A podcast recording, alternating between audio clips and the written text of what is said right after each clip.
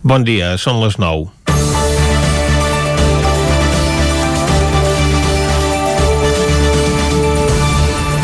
L'aprovació dels pressupostos generals a l'Estat suposa una pilota d'oxigen per al govern del PSOE i Unidas Podemos i per Pedro Sánchez en particular, que aconseguirà més suports que en la seva pròpia investidura però també suposa una pilota d'oxigen per l'oposició perquè els comptes tiraran endavant gràcies al suport d'Esquerra Republicana, el PNB i a Bildu.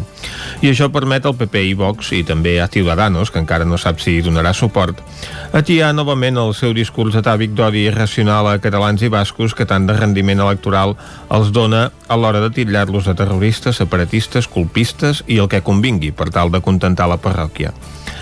L'acord és rellevant perquè permet a Sánchez estabilitzar la legislatura després de la seva relliscada en la repetició de les eleccions d'ara fa un any i desbloqueja uns comptes que estaven prorrogats des de 2018.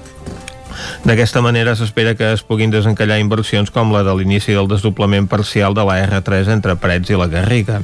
També es desencallarà el primer avançament de 200 milions, d'un total de 4, en compliment d'una sentència del Tribunal Suprem que obligava el govern espanyol a pagar part de les inversions compromeses i no executades el 2008 uns diners que havien quedat pendents de recuperar perquè els pressupostos s'havien anat prorrogant.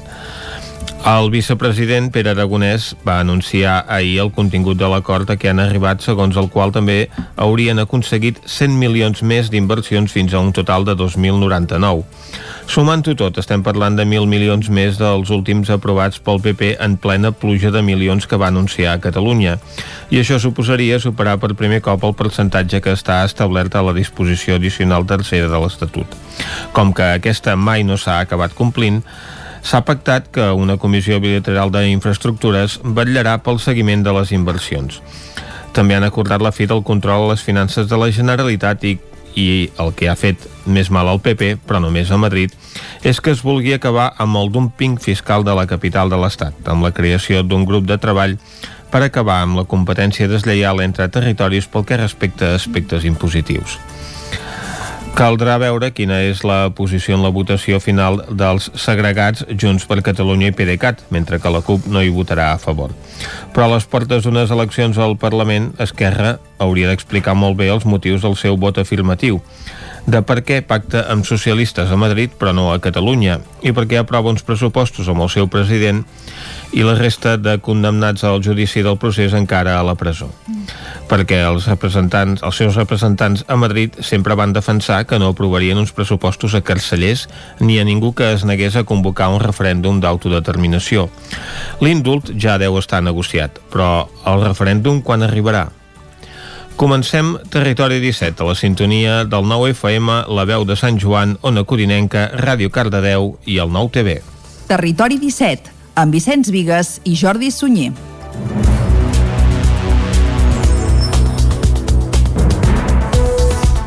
Són les 9 i gairebé 3 minuts i mig del dijous, dia 26 de novembre de 2020. Comença aquí un nou Territori 17 que avui, durant la primera hora, us acostarà, com sempre, tota l'actualitat de les nostres comarques. Després, a partir de les 10, com que som dijous, tindrem les seccions habituals d'aquest dia. Avui, per exemple, anirem al cinema. Per cert, aquest cap de setmana podrem anar al cinema presencialment, a més a més, això ho destacarem a la secció d'avui. També recuperarem la secció de paraules i curiositats del català amb Cristina Enfruns i acabarem el punt de les 12 del migdia amb el racó de pensar amb Maria López. Tot això i molt més des d'ara mateix i fins a les 12. I com sempre el que fem ara és arrencar tot fent un repàs a l'actualitat de les nostres comarques, les comarques del Ripollès, Osona, el Moianès i el Vallès Oriental.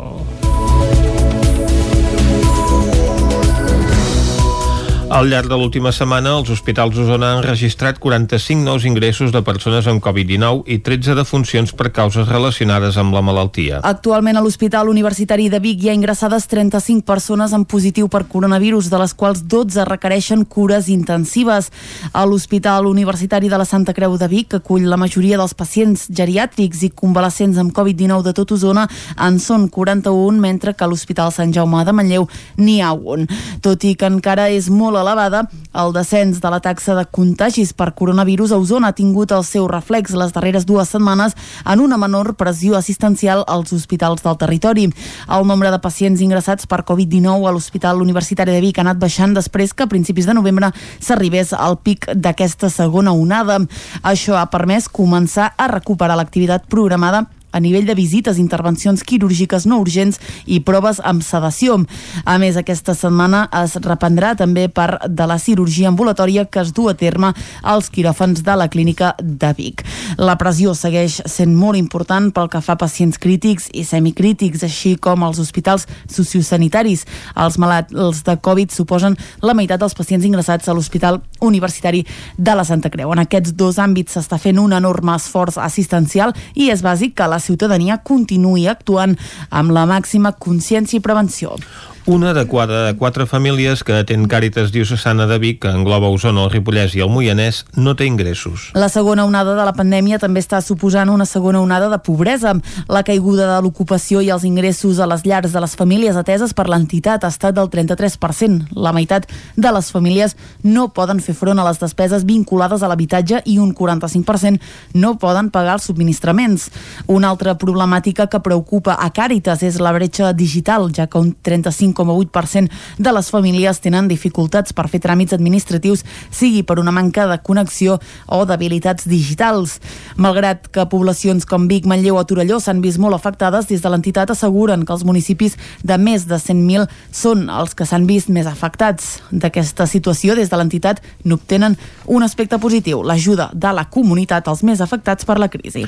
La segona onada de la pandèmia també ha comportat un, un augment d'usuaris al menjador social del Tupí que torna a estar en plena activitat i adaptat a les noves mesures. El menjador va reobrir el 3 d'agost i només hi van tenir dues persones dinant. Aquests dies en són al voltant d'una vintena. De fet, segons explica Núria Casamitjana, és habitual que el nombre d'usuaris augmenti significativament durant aquestes dates. Això passa cada any. A mesura que fa fred, la gent es van recollint i no tenen tants mitjans o no en tenen cap, perquè també hi ha molta gent de fora, de cultures diferents, i, i aquests pobrets el que venen és molt enfredurats perquè n'hi ha molts que no saben ni on dormir. Entre les 10 i les 11 del matí a la cuina del Tupí ja hi ha moviment. Cada dia 4 o 5 voluntaris es coordinen per fer el dinar i preparar el menjador abans que a la una del migdia comencin a arribar els primers usuaris. Maria Rosa Vila, Quim Buixeda i Agustina Roig són voluntàries del Tupí. Aquí també em sento una mica realitzat, no? ja que sóc pensionista, doncs a mirar d'aportar quelcom eh, a la societat. Els hi preparo el menjador, els hi preparo les coses, ajudo la Núria a servir els dinars i és una cosa que, que m'agrada molt, que m'omple molt. Intento tindre alegria, donar alegria als companys i, bueno, sempre hi ha alguna, algun acudit, alguna cosa, un ambient perfecte. El ritual d'entrada ara és diferent. Els usuaris se'ls pren la temperatura a l'entrada, es netegen les mans amb gel hidroalcohòlic i segueixen un recorregut marcat amb una cinta negra i groga. Passen amb la safata per uns carrets envoltats de mampares i arriben a la taula, les quals han passat de ser de 6 a 2 persones. Caldes de Montbui detecta una disminució de les infraccions ciutadanes des de l'inici del confinament perimetral de cap de setmana. Caral Campàs, des d'Ona Codinenca. La policia local de Caldes ha detectat un descens de les infraccions ciutadanes en relació al primer cap de setmana de confinament perimetral.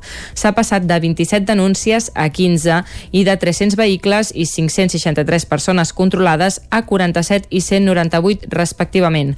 Les dades d'aquest cap de setmana passat indiquen que, tot i haver-se produït un lleuger increment en el nombre de denúncies de 12 al tercer cap de setmana a 15 aquest últim, el balanç global de números d'infraccions dels controls controls i intervencions policials respecte al primer cap de setmana de confinament ha baixat significativament. Des de les 6 del matí de divendres i fins les 6 del matí de dilluns, la policia local de Caldes va dur a terme 24 intervencions relacionades amb el control de mesures de la Covid-19, vetllant per l'ús de la mascareta, evitant les agrupacions de persones i fent un control de les restriccions de mobilitat, confinament nocturn i confinament perimetral del municipi. Durant aquest període de temps, aquest cap de setmana es van controlar 47 vehicles, 100 300 els del primer cap de setmana de confinament perimetral i es van identificar 198 persones havent estat 563 el primer cap de setmana. Aquest últim cap de setmana també es van interposar 15 denúncies, dos pel mal ús de la mascareta, 7 per mobilitat indeguda per al confinament municipal, 5 per incomplir les limitacions de número de persones en l'àmbit públic i una per conduir amb permís estranger no vigent al territori nacional. El primer cap de setmana d'activació de la mesura de confinament perimetral van ser 27 denúncies, mentre que aquest últim cap de setmana han sigut 15. L'alternativa per Ripoll CUP s'absté en una concertació de pòlisses de tresoreria perquè no opera al 100% amb la banca ètica. Isaac Muntades, des de la veu de Sant Joan. Els dies previs a la declaració unilateral d'independència de Catalunya, CaixaBank i el Banc Sabadell van traslladar la seva seu social a València i Alacant respectivament per la creixent inestabilitat econòmica. És per aquest motiu que en el ple del mes d'octubre de l'any 2017 l'Ajuntament de Ripoll va aprovar una moció presentada conjuntament per la CUP i Esquerra Republicana de Catalunya per operar amb la banca ètica. Des de llavors, el consistori ripollès ha fet diverses operacions amb aquest tipus d'entitats financeres, però mai completament. En el ple d'aquest dimarts, l'Ajuntament va aprovar una concertació de pòlissa de tresoreria per un import total d'1,2 milions d'euros euros que va rebre el suport de tots els grups, excepte el de l'alternativa per Ripoll CUP, que es va abstenir en considerar que la pòlissa es podia haver concertat al 100% en una banca ètica. El porteu Copaire, Aitor Carmona, justificava així el sentit del vot de la seva formació. Venim d'una situació on totes aquestes entitats, CaixaBank, etc, no fan país, sinó que abandonen el país en aquest sentit, no? Eh, recordem tota la fuga de seus, a més a més són entitats, són màquines de desnonar persones, d'inversions amb armes, en fi, òbviament per això hi ha el concepte de banca ètica. Per tant, i un altre motiu més doncs, que ens dona el senyor Creixans és que si no concertem aquestes pòlisses amb aquestes entitats, després no ens donen préstecs. O sigui que, a més a més, ens fan xantatge. El regidor de Serveis Econòmics, Josep Maria Creixans, va detallar que es van demanar ofertes a CaixaBank, al Banc de Sabadell, al BBVA, a la Caixa d'Enginyers, a Triodos Bank i al Banc de Santander. En aquest últim cas, l'entitat nascuda a Cantàbria no els podia concertar una pòlissa per prudència financera, mentre que Triodos Bank no en va fer. Al final, el consistori va decidir concertar les pòlisses amb CaixaBank, el Banc de Sabadell i la Caixa d'Enginyers per un import de 400.000 euros per cadascuna de les entitats. Això sí, en el cas de les dues primeres no tenien comissió d'obertura i pel que fa a la banca ètica era d'un 0,05%. Encara que les condicions no fossin tan bones, es va optar també per incloure-hi la Caixa d'Enginyers. Creixans també va explicar per què ho havien fet d'aquesta manera. Tècnicament, hi ha unes excepcions en què si és l'oferta més cara no podem doncs, acceptar-la al 100% perquè tenim un informe negatiu d'intervenció i per tant seria un problema doncs, poder signar una pòlissa en aquestes circumstàncies. També manifestar que, per exemple, Triodos no ens ha dit mai, no ens ha passat mai ni oferta, li han demanat sempre. Caixa d'enginyers, quan han volgut fer préstecs, és la, la, la, el que vaig explicar l'altre dia, no entra mai en préstecs, només entra en temes de curt termini, en temes d'un any, de pòlisses, però no vol fer préstecs de llarg termini. Nosaltres, pel pressupost municipal, necessitem préstecs de llarg termini, en el qual sempre ens ho fan una sèrie d'entitats. A més, el regidor de Junts per Ripoll va defensar a CaixaBank dient que han fet aportacions a fons perdut o han atorgat subvencions a la Fundació Guifré, a l'Ajuntament o al Consorci de Benestar Social, i en canvi la Caixa d'Enginyers no ha destinat cap ajuda a la vila per a finalitats socials. Sant Pere de Vilamajor aposta per un nou sistema de recollida de la brossa verda a tot el municipi. David Auladell, de Ràdio Televisió, Cardedeu. El nou sistema es va iniciar el passat 15 de novembre i un dels avantatges que tindrà és que no caldrà trucar al servei amb antelació per la recollida d'aquesta brossa. A més a més, la brossa no s'haurà de deixar davant de casa, que a vegades generava molèstia. Es demana que es portin al costat dels contenidors i d'aquesta manera no hi haurà límit de bosses per recollida. Aquest sistema converteix el servei en un servei sense horaris, que es pot llançar la brossa en qualsevol moment. El sistema s'aplica després de la bona acollida de la prova pilot realitzada al barri de les Faldes del Montseny i ara el nou sistema de recollida s'estén a tot el municipi. En els mateixos contenidors recollirà l'empresa de recollida. El que sí es demana és que segueixin utilitzant les bosses de l'Ajuntament. Els Mossos d'Esquadra van detenir dijous dos homes de 19 anys de Manlleu com a presumptes autors d'un robatori amb violència i intimidació en un estanc de Sant Vicenç de Torelló. Els fets es remunten al passat 10 de novembre quan cap a les 6 de la tarda tres joves que anaven amb la cara tapada van robar en un estanc de Sant Vicenç. Un dels autors va agafar una de les treballadores pel canell i la va amenaçar amb una pistola mentre els altres dos individus sostreien paquets de tabac. Els lladres, en sentir la veu d'una segona treballadora, van marxar ràpidament de l'establiment amb tabac valorat en uns 1.000 euros. Els Mossos, en tenir coneixement del fet, van iniciar una investigació que va permetre identificar els tres autors. El passat 19 de novembre es va aconseguir localitzar i detenir dos d'ells. Els agents van localitzar els passamuntanyes i l'arma utilitzada, que era de caire comprimit dins d'una bossa de plàstic al voral de la carretera. La investigació continua oberta per tal de localitzar i detenir el tercer implicat. Els dos detinguts van passar el dia 21 a disposició del jutjat d'instrucció en funcions de guàrdia de Vic. I fins aquí el butlletí informatiu que us hem ofert amb les veus de Vicenç Vigues, Clàudia Dinarès, David Auladell, Caral Campàs i Isaac Muntades. I ara el que toca, en un dia especialment interessant en aquest sentit, és parlar del temps. Avui plou o cauen quatre gotes de moment i el Pep Acosta ja ens va alertar ahir que s'acostava moviment. Per tant, serà qüestió d'escoltar-lo atentament. Casa Terradellos us ofereix el temps. Doncs tenim ja el Pep Acosta en línia. Pep, suposo que estàs content, eh, aquests dies. Molt bon dia. Hola, molt bon dia. Què Què tal Bon dia, esteu? bon dia. Bé. Ja tenim aquí la pertorbació a sobre, tenim aquí la pertorbació aquesta atlàntica que ens afecta, eh, ha baixat molt de latitud, ens està enviant vents de llevant, vents plens d'humitat, eh, plens d'aigua, i es va notant, eh, hi ha un canvi, eh, no hi ha un canvi d'ambient encara amb les persones, però, i, i a més, ahir un altre, un altre dia històric en aquest 2020, eh, a la que fem balanç, Déu-n'hi-do, déu nhi déu eh, quin 2020, quin, quin, quin balanç haurem de fer, quin, quantes coses han passat. Moltes. I quants dies assenyalats ahir amb la mort de Maradona, un altre dia, un altre dia històric. Mm. Però bueno, En parlarem eh, anem pel després. temps, que és el que, el que interessa, i, i això anava a dir, eh, hi ha un canvi, un canvi amb, amb, amb l'ambient meteorològic, no... aquells dies anticicló, que ja sabies el temps que anava a fer l'endemà, mm, han canviat, han canviat, i per fi arriba variabilitat, eh, canvis, no saps ben bé on plourà, no saps la quantitat de pluja, eh, això ens agrada, eh? ens agrada i ens fa, ens fa que, diguem, el temps amb, amb més emoció, eh? amb més emoció Sí, sí, i es amb més nota, es ganes. nota, es nota. De moment, les pluges, poca cosa. Mm, de moment. El Montseny cap a Puig de Olles, 8 litres, també a Molló, i la resta han sigut pluges per sota els 5 litres. Mm, poca cosa. Però bueno, eh, han pogut, ha pogut aquesta nit i mica en mica s'anirà animant. Les temperatures, mm, només glaça a molt alta muntanya. Un grau sota 0 a Baiter, mm, al, al Pirineu per sota els 5 graus, eh, a la plana de Vic, cap a Moianès, 7-8, i cap al prelitoral s'han superat els 10 graus de mínima. Uh, aquest canvi de, de vents, aquest canvi de situació, ha comportat una clara pujada de les temperatures mínimes, temperatures mínimes. Uh, la, la predicció, anem per la predicció. Anem-hi, anem-hi. Uh, hi haurà, això com deia, uh, mica en mica, més lumositat i més precipitació. Avui serà un dia amb molts núvols, molts núvols, molts núvols, molts núvols, molt poc, veurem el sol, i aviam, hi haurà com dues tongades de precipitació segons els mapes i segons el que jo crec. Plourà al matí, a partir 10, de les 10 a les 11 fins al migdia, després hi haurà una petita pausa i a la tarda ja s'hi faran més ganes. On plourà més? Sobretot més cap a l'est i cap a les zones de muntanya. Jo crec que Pirineu, a l'est del Pirineu, eh, cap a Baiter i aquestes zones on més plourà, i també Guilleries i Montseny. Eh, al final del dia es poden acumular 20-30 litres.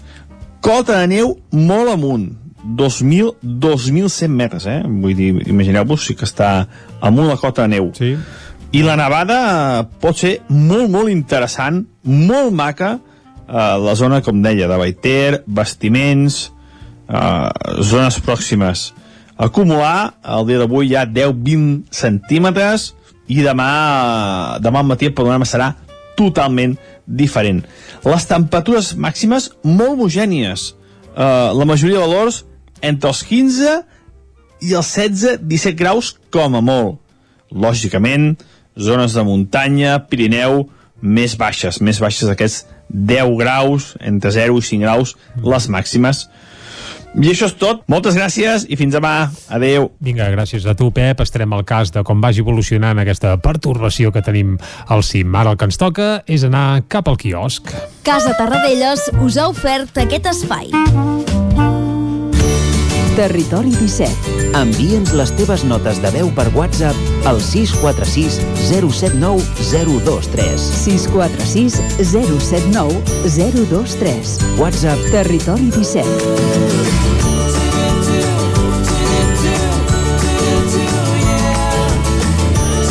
Territori 17. Som a Facebook, Twitter i Instagram amb l'usuari Territori 17.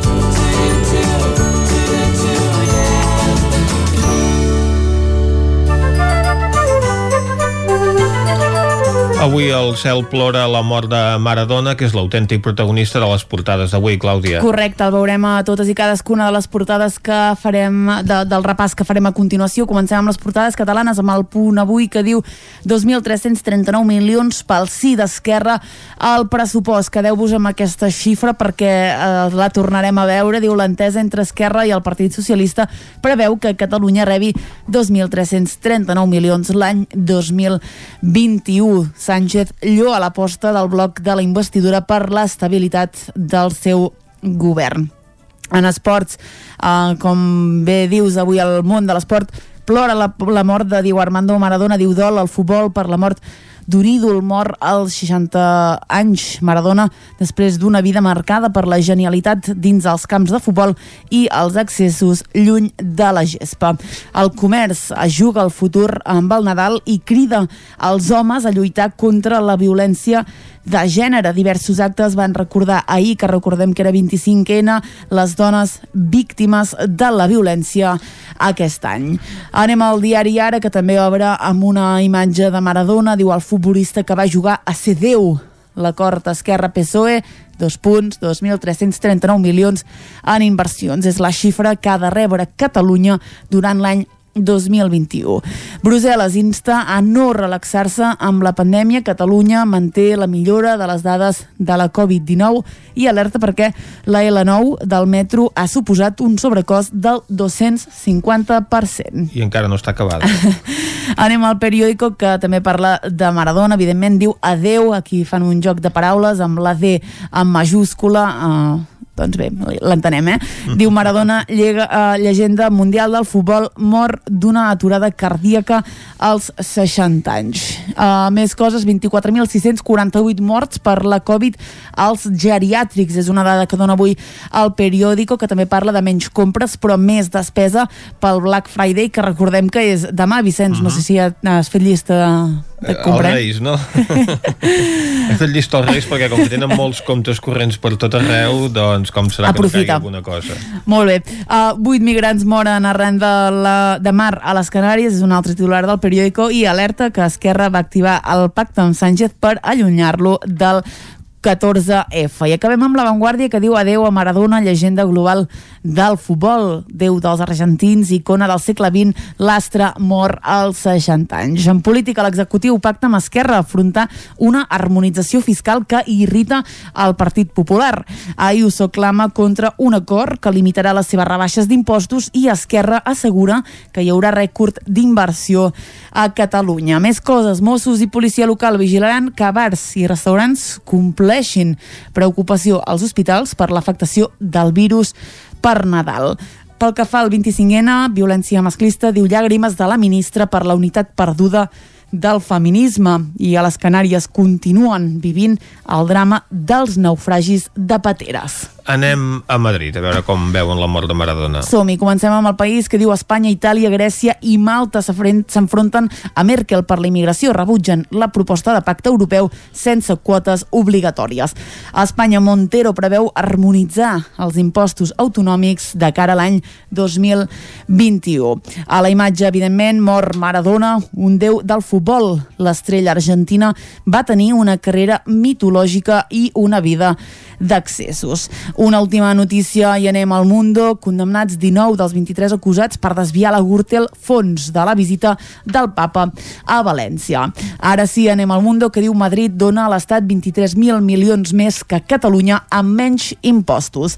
L'acord amb Esquerra Republicana dispara un 75% les inversions de l'Estat a Catalunya per sobre, diu, inclús del que preveu l'Estatut. A la imatge hi veiem a Maradona, diu l'ídol que va tocar al cel i en clau internacional anem als Estats Units, diu davant d'una nova era, Barack Obama diu em preocupa que no ens posem d'acord, amenaça la nostra democràcia. Eva Nosnos, per la seva banda, diu Biden coneix la fragilitat humana, per això mateix es pren en sèrio la pandèmia. Anem avançant, anem a la raó que diu adeu Diego Maradona va morir ahir d'una parada cardiorrespiratòria un mes després de complir 60 anys.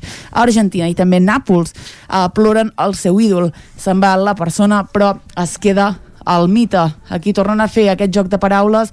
Uh, adiós, uh, doncs la paraula Dios la, la posen en negre. Uh -huh. uh, doncs bé, és aquest el titular de la Razón, que també obre amb Sánchez, que diu aprovarà amb Esquerra una llei perquè Madrid pugi impostos. El president planteja rescatar la coneguda harmonització fiscal. És una paraula que avui veiem i molt a les portades eh, d'aquest dijous. I Otegui alerta vincula el seu sí als pressupostos generals de l'Estat a la República basca. Potser no es tracta de que Madrid apugi els impostos, sinó de que les altres autonomies també els puguin abaixar en les mateixes condicions. Molt bé. Acabem, Vicent, si et sembla, les portades d'avui amb l'ABC, que diu Maradona 1960-2020. Aquí eh, han decidit posar només una paraula que diu Diego.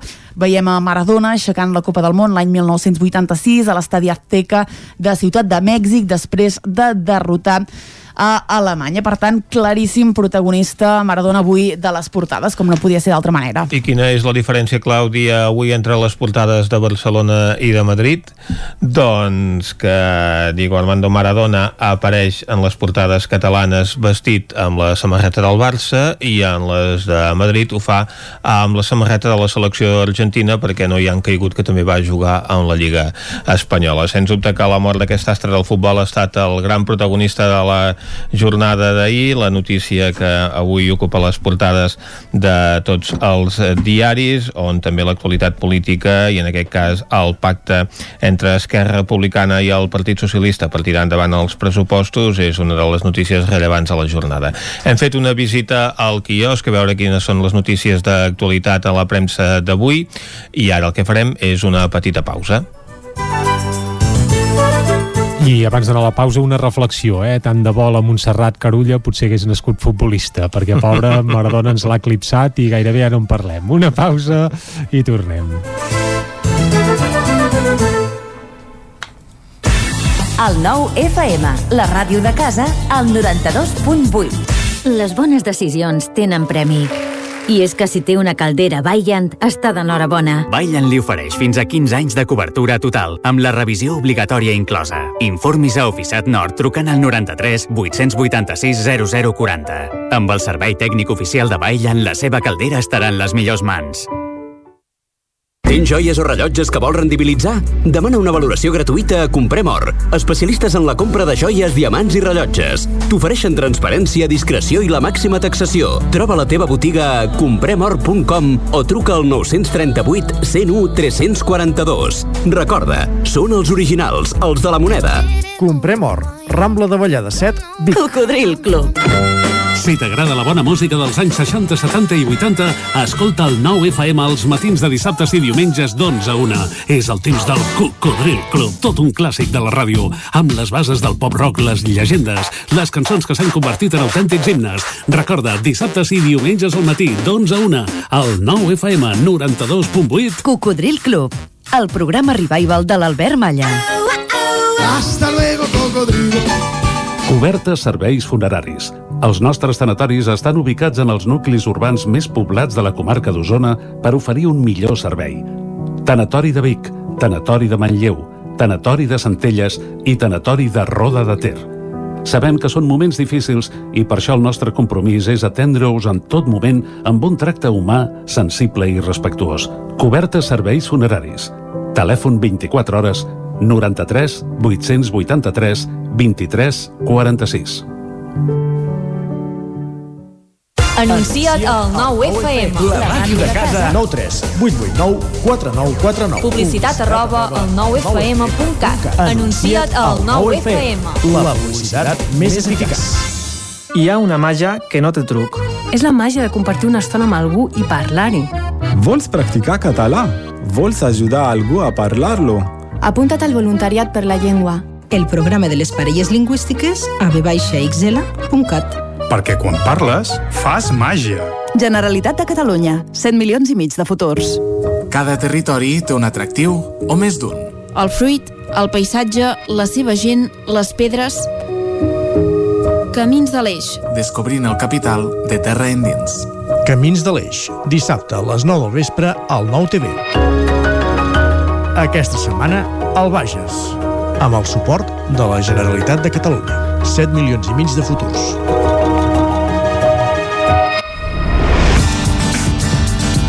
El nou FM. Territori 17, amb Vicenç Vigues i Jordi Sunyer. Dos quarts de deu en punt d'avui dijous, dia 26 de novembre de 2020, primer dia sense Maradona, eh? Ves per on, perquè no es parla de res més, eh, Vicenç? Exacte. Nosaltres ja avancem que el, la forquilla que dediquem a la música a la part final del programa també parlarem de Maradona, perquè també va tenir una vessant musical que descobrirem després. Ara, però, el que toca és que acostar-vos de nou tota l'actualitat de les nostres comarques. Ja ho sabeu, les comarques del Ripollès, Osona, el Moianès i el Vallès Oriental. orientado.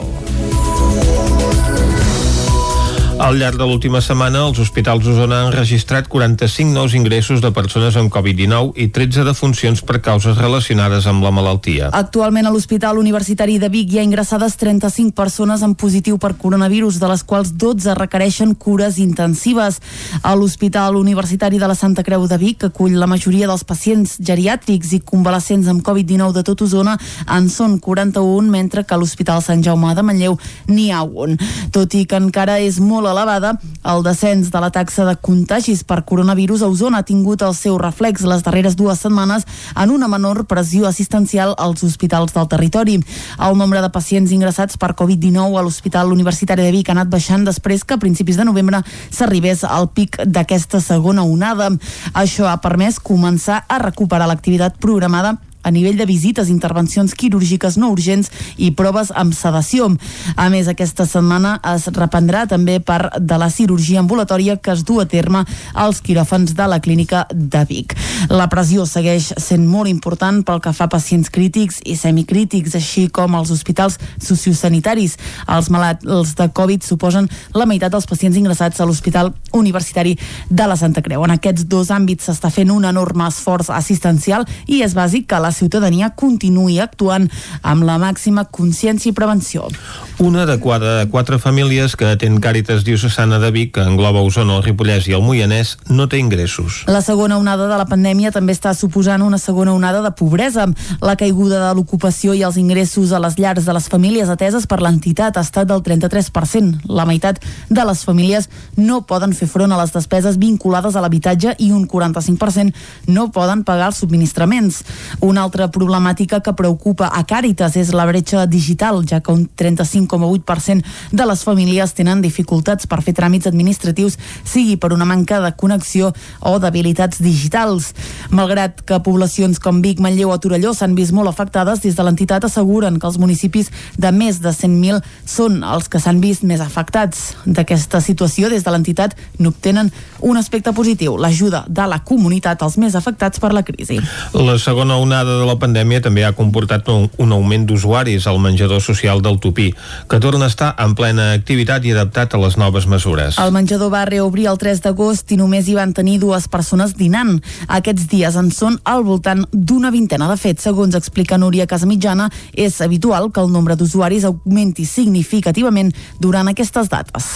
Això passa cada any. A mesura que fa fred, la gent es van recollint i no tenen tants mitjans o no en tenen cap, perquè també hi ha gent, molta gent de fora, de cultures diferents, i, i aquests pobrets el que venen és molt enfredurats, perquè n'hi ha molts que no saben ni on dormir, entre les 10 i les 11 del matí a la cuina del Tupí ja hi ha moviment. Cada dia 4 o 5 voluntaris es coordinen per fer el dinar i preparar el menjador abans que a la una del migdia comencin a arribar els primers usuaris. Maria Rosa Vila, Quim Buixeda i Agustina Roig són voluntàries del Tupí.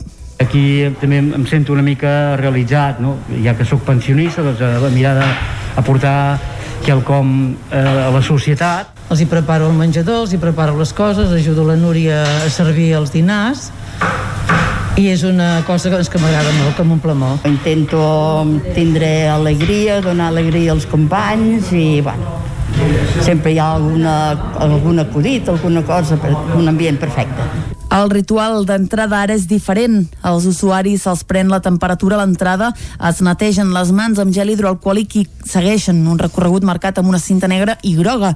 Passen amb la safata per uns carrets envoltats de mampares i arriben a la taula, les quals han passat de ser de 6 a 2 persones.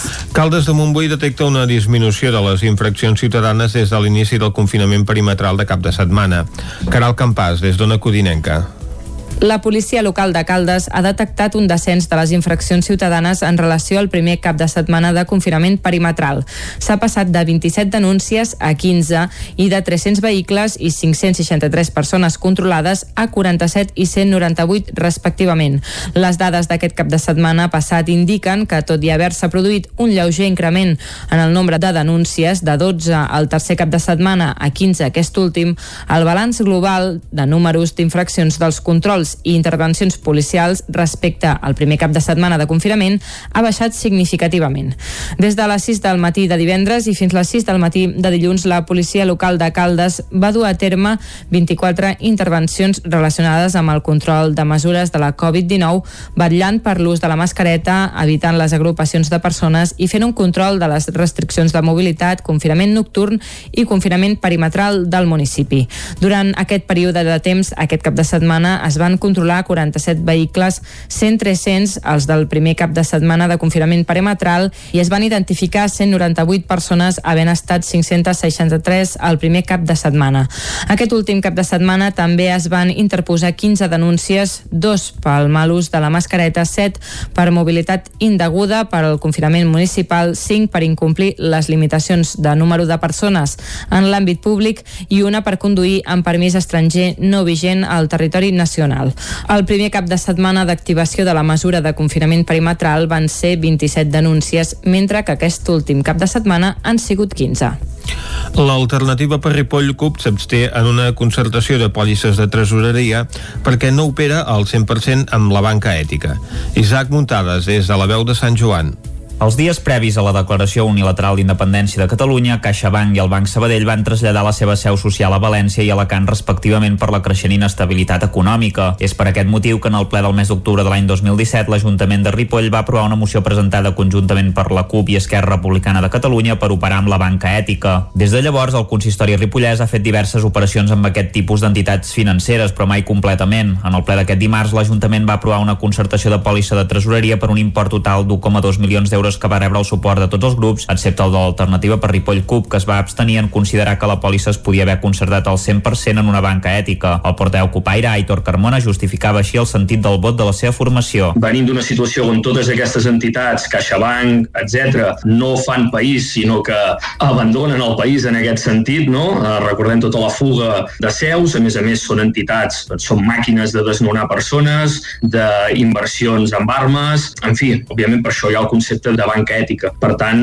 i un altre motiu més doncs, que ens dona el senyor Creixans és que si no concertem aquestes pòlisses amb aquestes entitats, després no ens donen préstecs. O sigui que, a més a més, ens fan xantatge. El regidor de Serveis Econòmics, Josep Maria Creixans, va detallar que es van demanar ofertes a CaixaBank, al Banc de Sabadell, al BBVA, a la Caixa d'Enginyers, a Triodos Bank i al Banc de Santander. En aquest últim cas, l'entitat nascuda a Cantàbria no els podia concertar una pòlissa per prudència financera, mentre que Triodos Bank no en va fer. Al final, el consistori va decidir concertar les pòlisses amb CaixaBank, el Banc de Sabadell i la Caixa d'Enginyers per un import de 400.000 euros per cadascuna de les entitats. Això sí, en el cas de les dues primeres no tenien comissió d'obertura i pel que fa a la banca ètica era d'un 0,05%. Encara que les condicions no fossin tan bones, es va optar també per incloure-hi la Caixa d'Enginyers. Creixans també va explicar per què ho havien fet d'aquesta manera. Tècnicament, hi ha unes excepcions en què si és l'oferta més cara no podem doncs, acceptar-la al 100% perquè tindríem un informe negatiu d'intervenció i per tant seria un problema doncs, poder signar una pòlissa en aquestes circumstàncies. També manifestar que, per exemple, Triodos no ens ha dit mai, no ens ha passat mai ni oferta, li han demanat sempre. Caixa d'enginyers, quan hem volgut fer préstecs, és la, la, la, el que hi vaig explicar l'altre dia, no entra mai en préstecs, només entra en temes de curt termini, en temes d'un any, de pòlisses, però no vol fer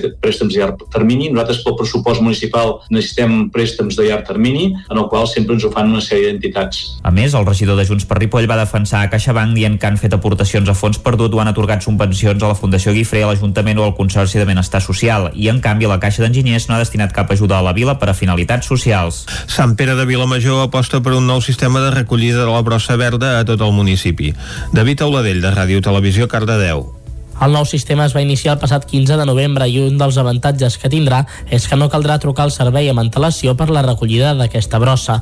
A més a més, la brossa no s'haurà de deixar davant de casa, que a vegades generava molèstia. Es demana que es portin al costat dels contenidors i d'aquesta manera no hi haurà límit de bosses per recollida. Aquest sistema converteix el servei en un servei sense horaris, que es pot llançar la brossa en qualsevol moment. El sistema s'aplica després de la bona acollida de la prova pilot realitzada al barri de les Faldes del Montseny i ara el nou sistema de recollida s'estén a tot el municipi. En els mateixos contenidors recollirà l'empresa de recollida. El que es demana és que segueixin utilitzant les bosses de l'Ajuntament. Els Mossos d'Esquadra van detenir dijous dos homes de 19 anys de Manlleu com a presumptes autors d'un robatori amb violència i intimidació en un estanc de Sant Vicenç de Torelló. Els fets es remunten al passat 10 de novembre quan cap a les 6 de la tarda tres joves que anaven amb la cara tapada van robar en un estanc de Sant Vicenç. Un dels autors va agafar una de les treballadores pel canell i la va amenaçar amb una pistola mentre els altres dos individus sostreien paquets de tabac. Els lladres, en sentir la veu d'una segona treballadora, van marxar ràpidament de l'establiment amb tabac valorat en uns 1.000 euros. Els Mossos, en tenir coneixement del fet, van iniciar una investigació que va permetre identificar els tres autors. El passat 19 de novembre es va aconseguir localitzar i detenir dos d'ells. Els agents van localitzar els passamuntanyes i l'arma utilitzada, que era de caire comprimit dins d'una bossa de plàstic al voral de la carretera. La investigació continua oberta per tal de localitzar i detenir el tercer implicat. Els dos detinguts van passar el dia 21 a disposició del jutjat d'instrucció en funcions de guàrdia de Vic. I fins aquí el butllet informatiu que us hem ofert amb les veus de Vicenç Vigues, Clàudia Dinarès, David Auladell, Caral Campàs i Isaac Muntades. I ara el que toca, en un dia especialment interessant en aquest sentit, és parlar del temps. Avui plou o cauen quatre gotes de moment i el Pep Acosta ja ens va alertar ahir que s'acostava moviment. Per tant, serà qüestió d'escoltar-lo atentament.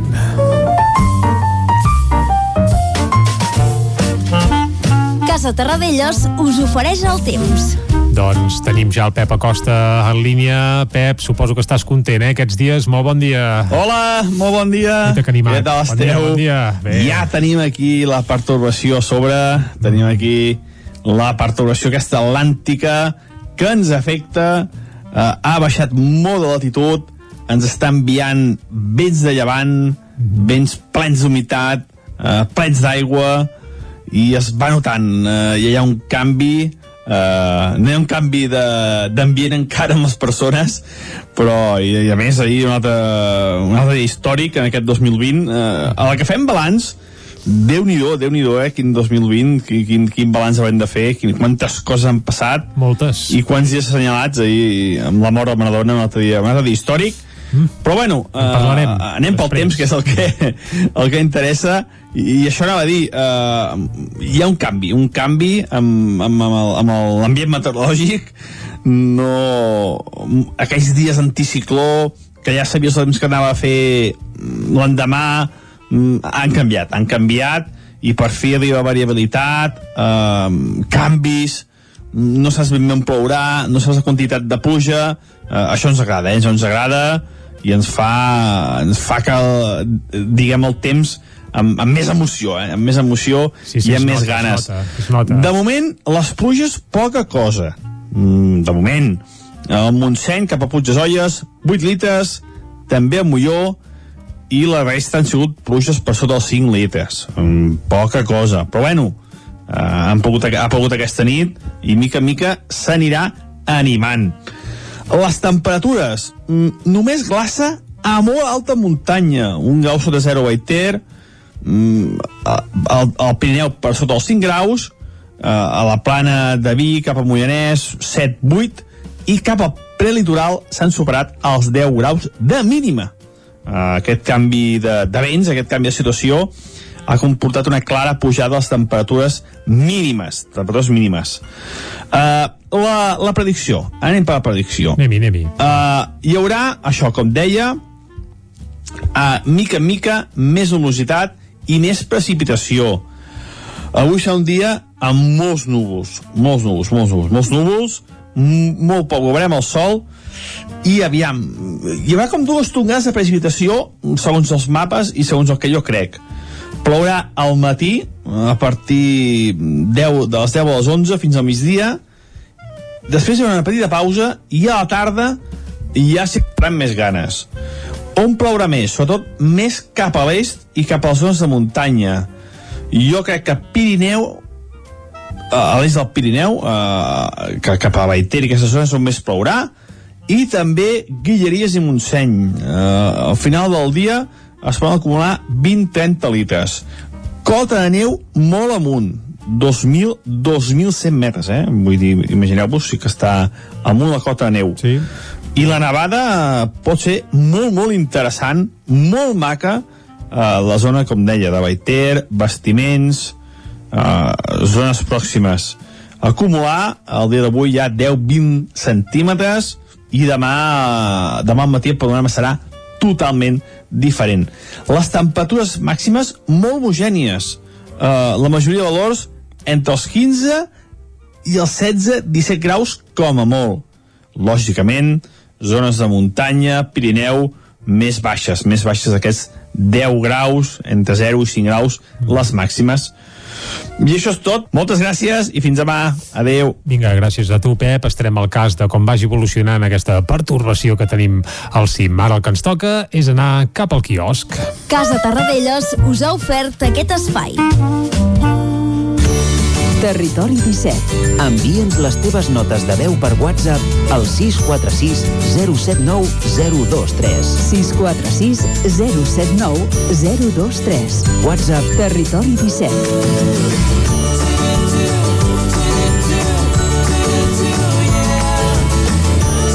Territori 17. Som a Facebook, Twitter i Instagram amb l'usuari Territori 17.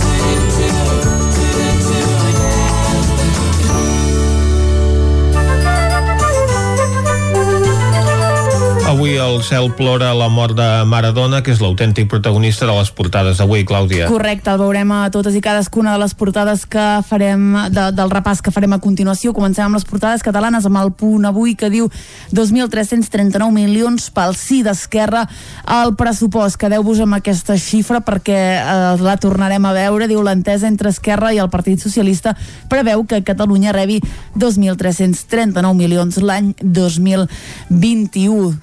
Sánchez llo a l'aposta del bloc de la investidura per l'estabilitat del seu govern. En esports, eh, com bé dius avui al món de l'esport, plora la, la mort de Diego Armando Maradona, diu dol al futbol per la mort d'un ídol mort als 60 anys. Maradona, després d'una vida marcada per la genialitat dins els camps de futbol i els accessos lluny de la gespa. El comerç es juga el futur amb el Nadal i crida als homes a lluitar contra la violència de gènere. Diversos actes van recordar ahir, que recordem que era 25N, les dones víctimes de la violència aquest any. Anem al diari Ara, que també obre amb una imatge de Maradona, diu el futbolista que va jugar a ser Déu. L'acord Esquerra-PSOE, dos punts, 2.339 milions en inversions. És la xifra que ha de rebre Catalunya durant l'any 2021. Brussel·les insta a no relaxar-se amb la pandèmia. Catalunya manté la millora de les dades de la Covid-19 i alerta perquè la L9 del metro ha suposat un sobrecost del 250%. I encara no està acabada. Anem al periòdico que també parla de Maradona, evidentment diu adeu, aquí fan un joc de paraules amb la D en majúscula, eh, doncs bé, l'entenem, eh? Diu Maradona, llega, uh, llegenda mundial del futbol, mor d'una aturada cardíaca als 60 anys. Uh, més coses, 24.648 morts per la Covid als geriàtrics. És una dada que dona avui el periòdico, que també parla de menys compres, però més despesa pel Black Friday, que recordem que és demà, Vicenç, mm -hmm. no sé si has fet llista de, de comprar. Els Reis, no? He fet llista als Reis perquè com que tenen molts comptes corrents per tot arreu, doncs com serà Aprofita. que no alguna cosa. Molt bé. Uh, vuit migrants moren arran de, la, de mar a les Canàries, és un altre titular del periòdico, i alerta que Esquerra va activar el pacte amb Sánchez per allunyar-lo del 14F. I acabem amb l'avantguàrdia que diu adeu a Maradona, llegenda global del futbol. Déu dels argentins, icona del segle XX, l'astre mor als 60 anys. En política, l'executiu pacta amb Esquerra afrontar una harmonització fiscal que irrita el Partit Popular. Ayuso clama contra un acord que limitarà les seves rebaixes d'impostos i Esquerra assegura que hi haurà rècord d'inversió a Catalunya. Més coses, Mossos i policia local vigilaran que bars i restaurants compleixin compleixin. Preocupació als hospitals per l'afectació del virus per Nadal. Pel que fa al 25N, violència masclista, diu llàgrimes de la ministra per la unitat perduda del feminisme i a les Canàries continuen vivint el drama dels naufragis de pateres. Anem a Madrid a veure com veuen la mort de Maradona. Som-hi, comencem amb el país que diu Espanya, Itàlia, Grècia i Malta s'enfronten a Merkel per la immigració, rebutgen la proposta de pacte europeu sense quotes obligatòries. A Espanya, Montero preveu harmonitzar els impostos autonòmics de cara a l'any 2021.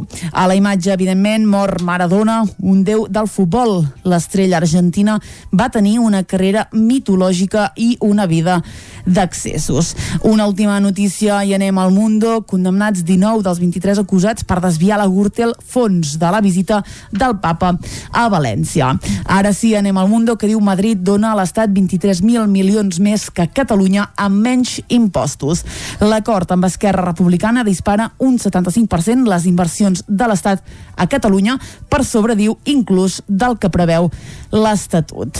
A la imatge hi veiem a Maradona, diu l'ídol que va tocar al cel i en clau internacional anem als Estats Units, diu davant d'una nova era, Barack Obama diu em preocupa que no ens posem d'acord, amenaça la nostra democràcia. Evan Osnos, per la seva banda, diu Biden coneix la fragilitat humana, per això mateix es pren en sèrio la pandèmia anem avançant, anem a la raó que diu adeu Diego Maradona va morir ahir d'una parada cardiorrespiratòria un mes després de complir 60 anys. A Argentina i també Nàpols uh, ploren el seu ídol. Se'n va la persona, però es queda el mite. Aquí tornen a fer aquest joc de paraules. Uh, adiós, uh, doncs la paraula Dios la, la posen en negre. Uh -huh. uh, doncs bé, és aquest el titular de la Razón, que també obre amb Sánchez, que diu aprovarà amb Esquerra una llei perquè Madrid pugi impostos. El president planteja rescatar la coneguda harmonització fiscal. És una paraula que avui veiem i molt a les portades eh, d'aquest dijous. I Otegui alerta vincula el seu sí als pressupostos generals de l'Estat a la República basca. Potser no es tracta de que Madrid apugi els impostos, sinó de que les altres autonomies també els puguin abaixar en les mateixes condicions. Molt bé. Acabem, Vicenç, si et sembla, les portades d'avui amb l'ABC, que diu Maradona 1960-2020. Aquí eh, han decidit posar només una paraula que diu Diego. Veiem a Maradona aixecant la Copa del Món l'any 1986 a l'estadi Azteca de Ciutat de Mèxic després de derrotar a Alemanya. Per tant, claríssim protagonista Maradona avui de les portades, com no podia ser d'altra manera. I quina és la diferència, Clàudia, avui entre les portades de Barcelona i de Madrid? Doncs que Diego Armando Maradona apareix en les portades catalanes vestit amb la samarreta del Barça i en les de Madrid ho fa amb la samarreta de la selecció argentina perquè no hi han caigut que també va jugar en la Lliga Espanyola. Sens dubte que la mort d'aquest astre del futbol ha estat el gran protagonista de la jornada d'ahir, la notícia que avui ocupa les portades de tots els diaris, on també l'actualitat política i en aquest cas el pacte entre Esquerra Republicana i el Partit Socialista per tirar endavant els pressupostos és una de les notícies rellevants a la jornada. Hem fet una visita al quiosc a veure quines són les notícies d'actualitat a la premsa d'avui i ara el que farem és una petita pausa. Bé, doncs, tan petita que ja tornem a ser aquí, la pausa, i ja ho hem anunciat abans, a la part musical avui també ens centrarem en parlar del Diego Armando Maradona. Uh, I ho farem... dius ara? Sí, sí, sí, sí. Uh, bé, hi ha moltes cançons que parlen d'ell, segur que tothom, la més coneguda possiblement és el Maradona d'Andrés Calamaro, per tant aquesta no la punxarem, però hi ha altres mites de la música mundial que han cantat cançons de Maradona. Per exemple, el Manu Chao em va fer una rumba que es deia La vida tómbola i n'escoltem un fragment que diu Si yo fuera Maradona viviría como él, eh, saldría en Mondovisión para gritarle a la FIFA que ellos eh, son el ladrón. Vaja, una mica així reivindicatiu, n'escoltem un fragment i després tenim més sorpreses. Maradona, perdido cualquier lugar. La vida es una tómbola, de noche y de día. La vida es una tómbola, y arriba y arriba. La vida es una tómbola, de noche y de día. La vida es una tómbola, y arriba y arriba. Si yo fuera Maradona, viviría como él. Mil cohetes, mil amigos, lo que venga mil por cien. Doncs el Manu Chao dient si jo fuera Maradona amb una cançó que es deia La vida tómbola i és ben cert que la vida del Maradona va ser una, una tómbola. Ara canviarem Però radicalment... tocava més una pelota que un pito en aquesta tòmbola. Bé, bé, so, en aquesta possiblement sí, però tampoc entrarem en gaires detalls perquè eh, en els escàndols, eh, bé, a part del món del futbol del Maradona, això dels pitos es podria interpretar d'una altra manera. Anem a Los Hermanos Calatrava, que segur que coneixes bé. Van fer un pas doble quan el Maradona va fitxar pel Barça amb una espècie de sàtira així divertidíssima i també n'escoltarem un fragment, eh? Uh, ja veuràs, no té pèrdua. Ai, ai, ai. Maradona, Maradona, chuta para el Barcelona. Mil millones ha costado, que quiniela le ha tocado. Que se pongan en remojo los porteros y defensas. Porque el Barcelona piensa en seis ligas, que inocencia. Maradona.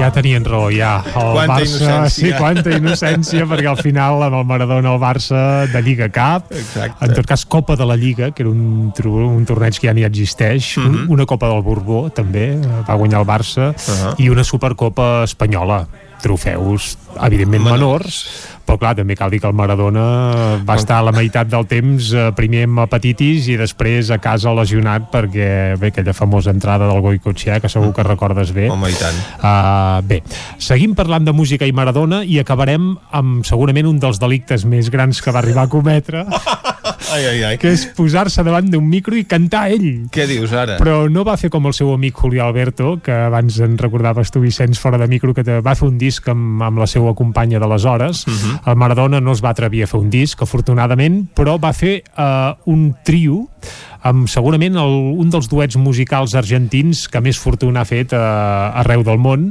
Suposo que si et dic això ja pots pensar en algun nom, però ja, ja el diré directament. La gent que ens escolta des de casa potser pensa en Pimpinela, doncs sí, Pimpinela, aquell duet uh, de pop així ensucrat argentí, doncs l'any Home, de 19... pop ensucrat tampoc. Bé, bueno, per, perquè t- tot el que fan són discussions. Tant és, tothom que ho bategi com vulgui. Converteixen la discussió en un art musical. doncs, bé, home, això era la seva cançó més coneguda. En tenen d'altres, eh, Vicenç, que eh, no tot és el qui en és, és eh, bueno, etc etc. Però vaja, tant és. Va, anem a Pimpinela. L'any 1986 eh, es van trobar en un estudi de gravació el, el duet Pimpinela amb el Maradona i van gravar una cançó que es va titular, bé es titula encara perquè es pot repescar a YouTube i on vulgueu, Querida Amiga. Uh, el Maradona aquella època ja no estava al Barça, era al Nàpols, i bé, i a Nàpols es veu que trobava molt a faltar la seva mare i és per això que li va dedicar aquesta cançó uh, el duet argentí Pimpinela, uh, Maradona a la veu amb Querida Amiga. L'escoltem fins a les 10, sí? Podrem aguantar dos minuts, sí, eh, d'això? Doncs va, uh, avui hem fet aquest mini recorregut musical per les aventures de Maradona i l'acabarem amb aquest Querida Amiga de Pimpinela, això sí, amb la participació estel·lar de Maradona cantant. Ui-te'l, la mía Ara, clar. por una caricia, querida amiga. Madre mía.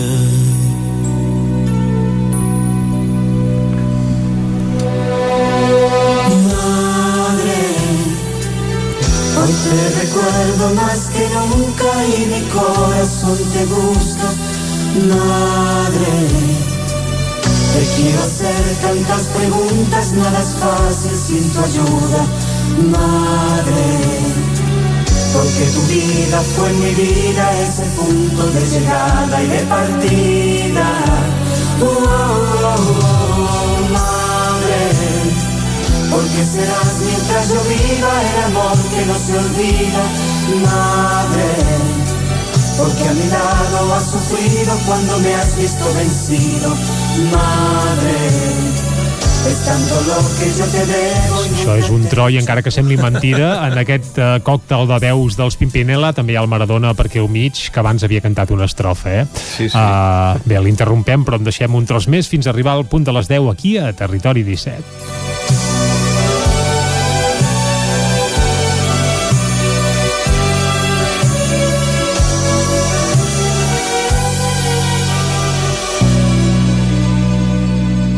Querida amiga, he tardado tanto tiempo en decirte lo que siento por pensar solo en mi vida.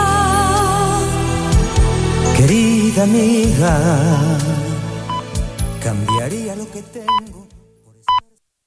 I a les 10 en punt, després d'aquest homenatge musical a Diego Armando Maradona, torna la informació de les nostres comarques, les comarques del Ripollès, Osona, el Moianès i el Vallès Oriental.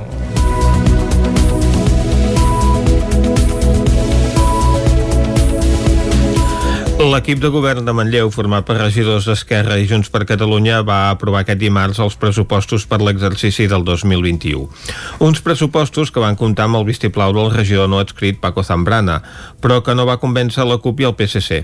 El capítol d'inversions destaca la fi del programa de modernització dels polígons i l'inici de la comissaria de la policia local. El pressupost de l'exercici 2021 de l'Ajuntament de Manlleu, dotat en 22,3 milions d'euros, va aprovar-se aquest dimarts amb els vots a favor de l'equip de govern i de Paco Zambrana, regidor no adscrit, malgrat la discrepància de la CUP i el PSC, que hi van votar en contra. Segons Eduard Robles, regidor dels Serveis Econòmics de l'Ajuntament de Manlleu, el nou pressupost incorpora recursos per fer front a l'emergència sanitària. De fet, arran de la pandèmia, l'àrea de serveis socials és la que més ha vist incrementar la despesa, una tendència que assegurava es repetirà l'any 2021. Eduard Robles. I per tant eh, entenem que és important dotar aquesta partida de, de mig milió d'euros per afrontar doncs, totes aquelles, eh, totes aquelles eh, urgències que ens puguin sorgir durant, durant tot l'exercici pressupostari, que com a altra banda ha passat aquest any doncs, ens ha anat molt, molt bé. Els tres regidors de la CUP van votar en contra d'uns pressupostos que asseguren van rebre com una proposta tancada de l'equip de govern. Lamenten que no s'hagi comptat amb la seva participació ni amb la de la ciutadania. Flori Martínez és regidora de la CUP de Manlleu. És veritat que ha estat un any excepcional per les restriccions de trobades i confinaments, però no obstant creiem que la participació es pot fomentar de moltes maneres i tot i així no s'hi ha apostat. La manca de consens també va ser decisiva pels regidors del PSC que també hi van votar en contra. Diuen que no veuen clars uns pressupostos que podrien pecar d'optimisme poc justificat. Antoni Poyato és regidor del PSC a Manlleu. La veritat és que ens estranya aquesta previsió quan les ordenances aprovades al darrer ple no preveien cap increment. El capítol d'inversions destaca la fi del programa de modernització dels polígons. També s'invertirà en l'inici de la comissaria de la policia local, el sistema porta a porta, l'asfaltatge de carrers i el desplegament de la fibra òptica. De cara al 2021, l'Ajuntament també preveu incrementar l'endeutament i així obtenir els recursos per acabar les obres a Can Puget, l'Escola de Música, el Teatre Centre o fer nous els vestidors del camp de futbol. Aquest dimecres el casal Claret de Vic va reivindicar el Dia Internacional contra les Violències violències masclistes amb una performance. Aquesta tenia l'objectiu de rebutjar qualsevol violència masclista i a compartir les ferides de les dones i mostrar i expressar les seves fortaleses. Amb motiu del Dia Internacional contra les Violències Masclistes, que es commemorava aquest dimecres 25 de novembre al Casal Claret i des del projecte Escola de la Pau de Dones va organitzar la, a la plaça Gaudí de Vic una performance per mostrar el rebuig a totes les formes de violència masclista. Ana Larios és la coordinadora de l'entitat i acompanyant del projecte de dones. Cada any, eh, el 25 de novembre i el 8 de març, eh, fem actes i avui ha estat un d'ells. Ens hem reunit forces dones. Durant la setmana hem estat treballant aquest tema de les violències a través de les nostres fortaleses i les nostres ferides i avui doncs eh, expressem tot això aquí a la plaça i durant tot l'any ho treballem a nivell personal i col·lectiu. La performance Camins de Dona va consistir en la lectura de textos que denuncien la violència a través de quatre diferents murals. Un mural era un homenatge a les dones que ja no hi són víctimes de la violència. Un altre mostrava les ferides visibles i invisibles de les dones. Un tercer representava la fortalesa de les dones i un últim mural qüestionava el patriarcat i el masclisme vigent en la societat. Helena Maragall és acompanyant del projecte de dones. Hem volgut sortir al carrer i manifestar-nos, expressar-nos a través eh, d'aquesta performance que li hem donat el nom de Camins de Dona. Els camins de dona entesos com els camins que totes, al llarg de la vida, siguis d'on siguis, vinguis d'on vinguis, són els camins que recorrem. Els camins de les ferides i els camins de les fortaleses. Durant tot l'any el casal acompanya i acull a dones de totes les cultures per tal que puguin trobar recursos i eines per tirar endavant. Sant Feliu de Codines, Caldes de Montbui i Vigues i Riells reivindiquen el Dia Internacional contra la Violència Masclista. Caral Campàs, des d'Ona Codinenca. Ahir els diversos consistoris i les entitats feministes d'aquestes poblacions, com les de la majoria, es van sumar a aquesta reivindicació amb la programació de diversos actes. Maite Escobar, regidora d'Igualtat a l'Ajuntament de Vigues, va explicar la necessitat de donar resposta a la violència masclista en un moment com l'actual, en què el confinament ha greujat la situació. El confinament, efectivament, ha, ha fet mal. Ha fet mal amb tot el que consideràvem fins ara un espai segur, que era la casa, la, la llar, el teu entorn, ha passat a ser un espai de, de, de por en, en algunes situacions. Per tant, sí, el 25N, doncs, eh, a més a més, com a municipi feminista que som, ens hem declarat municipi feminista, a més a més des del plenari, eh, hem de ser molt sensibles amb aquesta situació i, evidentment, un any més de reivindicació. Mentre que el consistori calderí i el codinenc van fer un minut de silenci a les 12 del migdia davant dels edificis dels ajuntaments i a més a Caldes es va llegir un manifest a les 7 de la tarda, el consistori de Vigues es va decantar per no fer concentracions. El que sí que s'ha organitzat des de Vigues i Rills són diverses activitats, entre les que hi ha una actuació teatral a càrrec de la companyia La rateta ja no escombra l'escaleta aquest divendres i també una nova secció de gènere a la biblioteca pues mira, um, eh, la Biblioteca de Vigues i Riels ja fa temps eh, que anàvem una miqueta al darrere i de fet amb la direcció ho vam treballar molt a fer una secció mm, pròpiament de gènere. En, llavors la idea, a més a més, no és que sigui una cosa esporàdica, que quedi, eh, no? allò pues, avui que és 25 de novembre i comença pues, tenir-la muntada i ja està, sinó que quedi fixa ja com una secció de la biblioteca la secció de gènere està situada a la planta baixa de la biblioteca i més de la meitat dels llibres que la conformen tracten sobre feminisme. La biblioteca anima a la població a explorar aquesta nova secció. Polèmica per la definició de gènere al ple de Ripoll arran de l'aprovació del Pla d'Acció per les Diversitats Sexuals i de Gènere 2020-2023. Isaac Muntades, des de la veu de Sant Joan.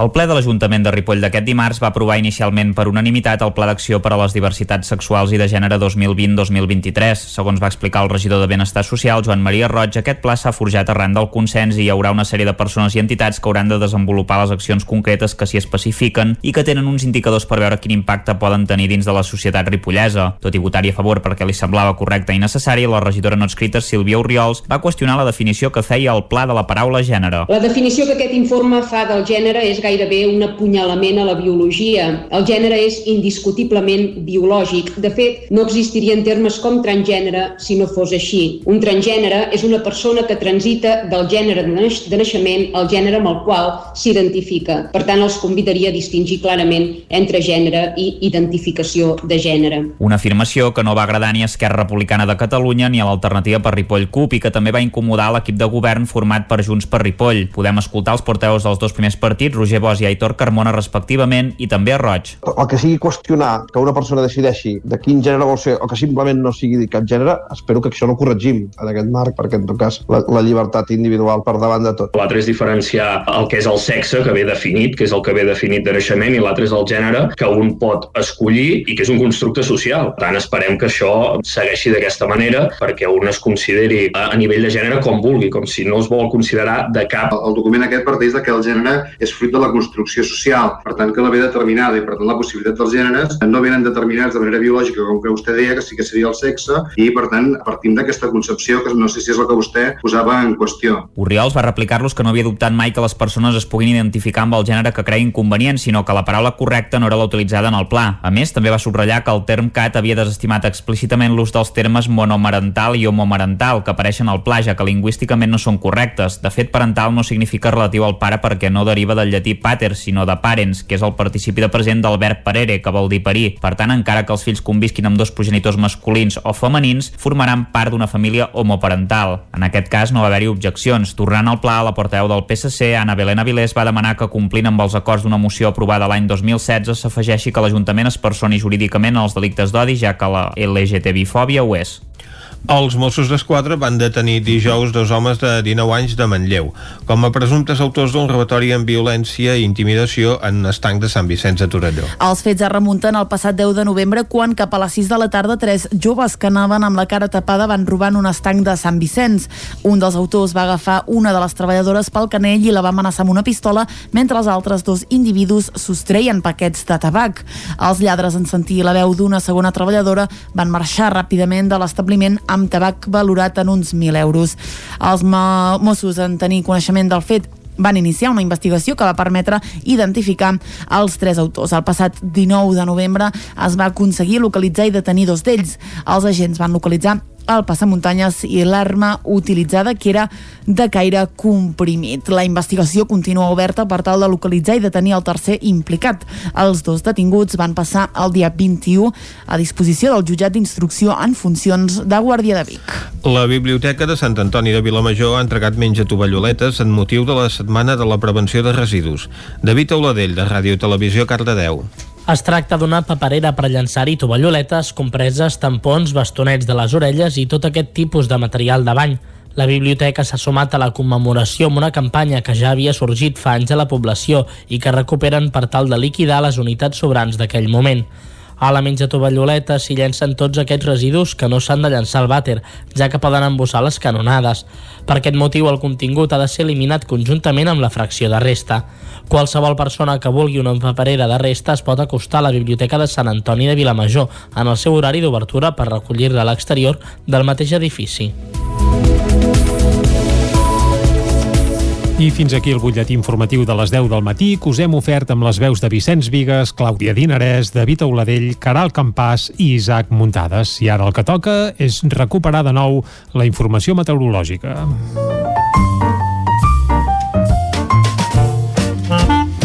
Casa Terradellos us ofereix el temps. I qui ens parla del temps, evidentment, és el Pep Acosta, qui ja saludem de nou altra vegada. Bon dia, Pep. Hola, molt bon dia. I bona hora. Què tal esteu? Eh. La, la predicció. Anem per la predicció. Hi haurà, mica en mica, més humositat i més precipitació. Avui serà un dia amb molts núvols. Molts núvols, molts núvols, molts núvols, molt poc, veurem el sol, i aviam, hi haurà com dues tongades de precipitació segons els mapes i segons el que jo crec. Plourà al matí, a partir 10, de les 10 a les 11 fins al migdia, després hi haurà una petita pausa i a la tarda ja s'hi més ganes. On plourà més? Sobretot més cap a l'est i cap a les zones de muntanya. jo crec que Pirineu a l'est del Pirineu eh, cap a Baiter i aquestes zones on més plourà i també Guilleries i Montseny eh, al final del dia es poden acumular 20-30 litres cota de neu molt amunt 2.000, 2.100 metres, eh? Vull dir, imagineu-vos si que està amunt la cota de neu. I la nevada eh, pot ser molt, molt interessant, molt maca, ah. a la zona, com deia, de Baiter, bastiments, uh, zones pròximes. Fa falta, fa Acumular, falta. el dia d'avui ha 10-20 centímetres, mm, canviarà, canviarà la cara, els que viu a prop del Pirineu veureu, està molt pelat, hi ha molt poca neu, Uh, crec que aquesta nit ja, ja ha nevat una miqueta i demà, demà al matí el panorama serà totalment diferent. Les temperatures màximes molt homogènies. Uh, la majoria de valors entre els 15 i els 16-17 graus com a molt. Lògicament, zones de muntanya, Pirineu, més baixes, més baixes d'aquests 10 graus, entre 0 i 5 graus, les màximes. I això és tot. Uh, avui, atents aquest canvi de temps, estarem, de temps, perdó. Mhm. Moltes gràcies i fins demà. Adéu. Vinga, Pep, moltes gràcies. Et notem bastant més animat, eh? Després de tants dies d'anticicló, es nota que si hi ha moviment meteorològic, doncs tot plegat, bé, bàsicament els homes del temps, doncs esteu una mica més animats. Nosaltres ara el que ens toca és anar cap a l'entrevista. Avui anirem cap al Ripollès per parlar amb el president del Consell Comarcal. El saludem d'aquí mig minut. Fins ara. Casa Tarradellas us ha ofert aquest espai. Territori 17. Envia'ns les teves notes de veu per WhatsApp al 646 079 023. 646 079 023. WhatsApp Territori 17.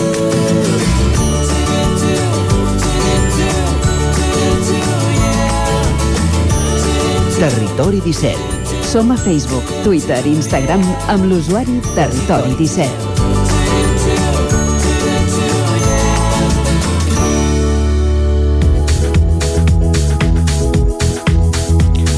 Ara mateix és un quart d'onze. Des que va començar la primera fase de desescalada el passat mes de maig decretada pel govern de l'estat espanyol i ara que s'ha iniciat el primer tram de la segona desescalada a Catalunya, el president del Consell Comarcal del Ripollès, Joaquim Colomer, ha expressat públicament el seu desacord amb alguna de les mesures adoptades des dels governs perquè no responien a la realitat de la comarca, sobretot amb la Conselleria de Salut. És així, oi? Isaac Muntades, bon dia. Bon dia, Vicenç. Sí, és així. I avui, per parlar de l'actualitat de la comarca enmig de la pandèmia, doncs tenim al telèfon amb nosaltres el president del Consell Comarcal del Ripollès, Joaquim Colomer, que ens explicarà amb tots eh, de detalls les queixes que han dirigit contra Salut aquests darrers dies. Bon dia i moltes gràcies per atendre'ns, president. Hola, què tal? Molt bon dia. Pri Primer de tot, president, vostè ha demanat que el confinament perimetral municipal dels caps de setmana es canvi per un de comarcal, però ara ja, no esperar aquests, uh, uh, aquesta setmana que encara queda per, perquè es produís el canvi, sense haver d'esperar doncs, aquests uh, dies per canviar de tram si els indicadors sanitaris són positius. Per què ha fet aquesta petició? Bueno, bàsicament, doncs, perquè, com tots sabem, doncs, eh, el, el país no, no té totes les mateixes característiques i, per tant, nosaltres, com a comarca del Ripollès, doncs, tenim una població i una densitat completament diferent a la que pot tindre un barcelonès eh, o altres comarques eh, de l'estil. I, per tant, nosaltres creiem que aquest desconfinament eh, no té cap sentit que sigui a nivell de municipis. Quan estem parlant doncs, de municipis o de micropobles com podem tindre aquí a la nostra comarca. I, per tant, el que demanaríem doncs, és aquest desconfinament que fos a nivell comarcal, un desconfinament que fos a nivell comarcal perquè permeti doncs, el, el desenvolupament eh, de, de la restauració, de l'hostaleria, de l'esport i de la cultura de la nostra comarca. Des de Protecció Civil van contestar la seva demanda dient que al cap de setmana ja es permet la sortida per necessitats inajornables i serveis bàsics no disponibles al mateix municipi. Està d'acord que això és així o creu que fins ara no s'havia aclarit prou? Sí, és una, un, una notació que ja es va fer doncs, a aules d'emergència, en la qual doncs, jo hi soc present en cada una i totes d'elles, uh, però això no treu doncs, que, per exemple, uh, un habitant doncs, de Ribes de Freser no pugui anar a veure eh, el seu cosí a Camprodon. Uh -huh. eh, estem parlant doncs, de, de que Protecció Civil permet eh, de, el desplaçament d'un municipi al municipi més proper per suplir les necessitats eh, d'aquests. Però el que estem demanant és ser una mica més generosos i anar una mica més enllà, perquè d'alguna manera, per exemple, si des de Ripoll algú vol anar eh, a menjar, eh, diguem-ne, doncs, a de Dalt, doncs, home, doncs també mm, pot ser interessant eh, per aquell negoci, per aquell eh, restaurant, i, com dic Tregurà de Dalt, puc dir Ventolà, puc dir Toses o puc dir Planers, eh, i per tant, doncs, home, jo crec que en aquest sentit hauríem de primar més doncs, la densitat de població que no pas la normativa aquesta genèrica que intenten doncs, regir des del Proficat. Ara ho ha comentat vostè, president, que el Ripollès de fet és una comarca on la incidència del coronavirus doncs, sempre ha estat baixa, excepte en, en setmanes molt puntuals, perquè ho comentava, la població i la densitat de població són més baixes que, que la resta de Catalunya. Uh, no sé si s'haurien d'aixecar algunes restriccions abans per aquest motiu. Ara estic pensant, per exemple, en el, en el cas dels bars o restaurants, si s'hauria d'ampliar més l'aforament uh, o tenir més màniga ampla en aquest sentit, o en, o en altres sectors que, que vostè consideri que s'haurien d'aixecar restriccions abans? Bueno, jo des del principi de, de la pandèmia he parlat de que les restriccions haurien d'anar eh, associades doncs, a un número, a un número de casos eh, per tants habitants. Eh, concretament, no, la nomenclatura que es fa servir és casos cada mil habitants. I, per tant, això ens serviria eh, no només eh, per, per facilitar, sinó també per motivar a la gent eh, motivar les persones a arribar a assolir aquestes dades que nosaltres necessitem per poder eh, tindre obert o per poder desenvolupar doncs, amb la normalitat del Covid doncs, la, el dia a dia de, de tothom. Per tant, doncs, eh, jo crec que és, és important eh, aquest desconfinament eh, donat per densitat. I una de les seves queixes, quan va començar el primer confinament, era que molta gent no en feia cas i venia a les segones residències. S'ha pogut solucionar aquest problema en aquest segon confinament? Sí, uh, la veritat és que amb aquest segon confinament no s'ha detectat doncs, aquesta, diguem-ne, problemàtica. Una, una problemàtica que el que generava doncs, és un volum molt gran uh, de gent en el nostre territori eh, però no només en el nostre territori, sinó que també doncs, això passava a la zona d'Empordà, tant del Baix com de l'Alt, eh, és dir, a les zones on hi ha segones residències, uh, i això ens feia una mica patir, perquè això ens, ens feia elevar moltes vegades doncs, els casos uh, de Covid que teníem a la comarca, perquè evidentment doncs, teníem un augment sobtat de població, uh, aquesta població si tenia indicis de Covid doncs anava als llocs de referència de la comarca i per tant marcaven com a positiu en la nostra comarca, mentre no és persona de, de la nostra comarca i per tant no ens comptabilitzaven a nosaltres o no ens haurien d'haver comptabilitzat a aquests casos. Per tant, els índexs que nosaltres hem tingut, que sempre han estat els més baixos a nivell de Catalunya, doncs encara haguessin estat més baixos. El turisme, de fet, juga un paper molt important a la comarca, president, i sobretot ara a la temporada d'hivern. Si, si no pot venir la gent de fora de la comarca fins pràcticament al Nadal, segons eh, el que s'ha eh, dit per, al, per als trams, seria un perill molt gran per, per l'economia. Sobretot estic pensant en, en un dels eh, eh factors econòmics més importants de la comarca, com són les estacions d'esquí. Sí, evidentment. Eh, amb els directors de les estacions d'esquí doncs n'hem parlat i, i ells no uh, faran cap pas per obrir aquestes estacions, a part de nivell climatològic o meteorològic, fins que no hi hagi doncs, un desconfinament almenys comarcal. Uh, tot i això, un desconfinament que sigui comarcal no servirà uh, per, per complir les expectatives uh, de les estacions, ni molt menys. Uh, però creiem que sí que després doncs, poder s'haurien de fer ja uns passos uh, a nivell de provincials uh, per, per poder permetre doncs, aquestes, aquestes obertures. Si no, serà del tot inviable l'obertura de les estacions d'esquí i al mateix temps doncs, en sortiran perjudicats tots els restauradors uh, i hostalers doncs, de, de la nostra comarca i no tan sols això, sinó tots els comerços doncs, que, que, es ve, que estiguin vinculats amb aquesta acció. Els que no deuen haver sortit eh, perjudicats d'aquesta situació a la comarca són algunes empreses de ventilació que hi ha, com Casals Ventilació o Sodeca, que han fabricat purificadors d'aire i en el eh, cas de Sodeca concretament doncs enviat un per cada escola de la comarca. Quin paper hi ha jugat el Consell Comarcal en tot això? Comarcal el que fem és sempre estar a disposició doncs, de, de les, dels, tant de privats com de públics i en aquest sentit doncs, eh, des del Consell Comarcal des del primer moment eh, amb Sodeca recordem que no només ha sigut el cas aquest dels purificadors que s'han entregat a les escoles sinó que hi ha hagut també doncs, eh, el, el vehicle aquest amb remolc que s'ha anat gestionant també des del Consell Comarcal uh -huh. i s'ha cedit doncs, a tots els municipis que ho han demanat. I per tant el mateix s'ha fet doncs, amb el sistema doncs, de, dels, dels airejadors aquests o dels purificadors d'aire des del Consell Comarcal el que fem és sempre posar en contacte i fer la gestió entre uns i altres. Uh -huh. Vostè també es va queixar d'inacció per part del Departament d'Educació. Què els demanava?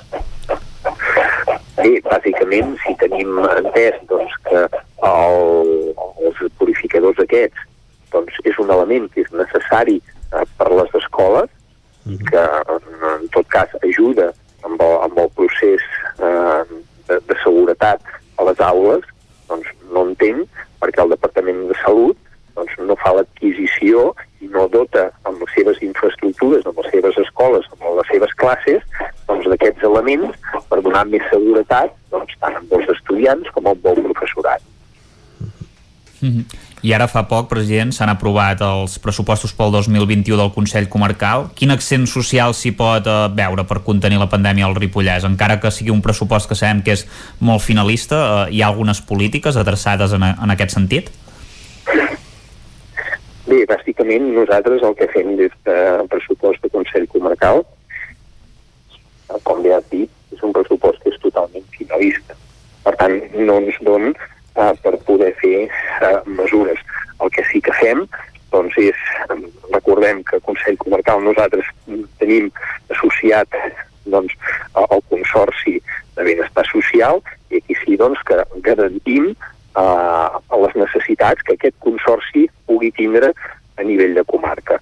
Igualment d'això, doncs, des de Consell recordem doncs, que s'han fet diferents campanyes eh, per promoure i per ajudar doncs, amb tots eh, aquests sectors, des de eh, anuncis eh, a televisors i a ràdios, des de eh, planificacions o, o rotulacions eh, d'autocars i de, i de trens, i evidentment doncs, eh, això servirà doncs, per impulsar, per recolzar i per potenciar la marca aquesta nova del Ripollès. Acabem, uh, Joaquim Colomer, una pregunta més a nivell de partit. Vostè se sent més pròxim a Junts per Catalunya o al PDeCAT? En aquests moments uh, jo segueixo en el PDeCAT. Uh -huh. uh, i uh, l'expectativa del que pugui passar amb Junts per Catalunya sembla que finalment hi haurà dues candidatures diferents a les eleccions al Parlament. Sí, uh, així és per part meva, doncs, és una, una llàstima que hi hagi d'haver dos candidatures diferents a Parlament, uh, perquè la veritat és que a nivell de, de comarca doncs, almenys els que estem aquí a la zona del Ripollès, uh -huh. doncs no acabem d'entendre aquesta situació i som dels que intentem i seguirem intentant fins a l'últim moment doncs, de, de que això tingui el, el, mateix, el mateix sentit i el mateix fruit. Uh, de no poder ser així, doncs jo em sentiré més còmode amb el Partit Demòcrata, amb el PDeCAT, amb la funció doncs, de treballar i centrar uh, el, el país. Se'ns acaba el temps. Moltes gràcies, Joaquim Colomer. Moltes gràcies. El 9 FM, la ràdio de casa, al 92.8. La Fogonera, resistència gastronòmica. És un restaurant? És un rostidor? És La Fogonera, la cuina en directe des de GURB, on encarregues, ho vens a buscar i ara també t'ho portem a casa. La Fogonera, resistència gastronòmica. Ara, amb la fogonera de dia, amb aperitius, arrossos, segons plats i postres. I quan cau la nit, ens transformem en un popurri culinari. Burgers, pizza, pasta...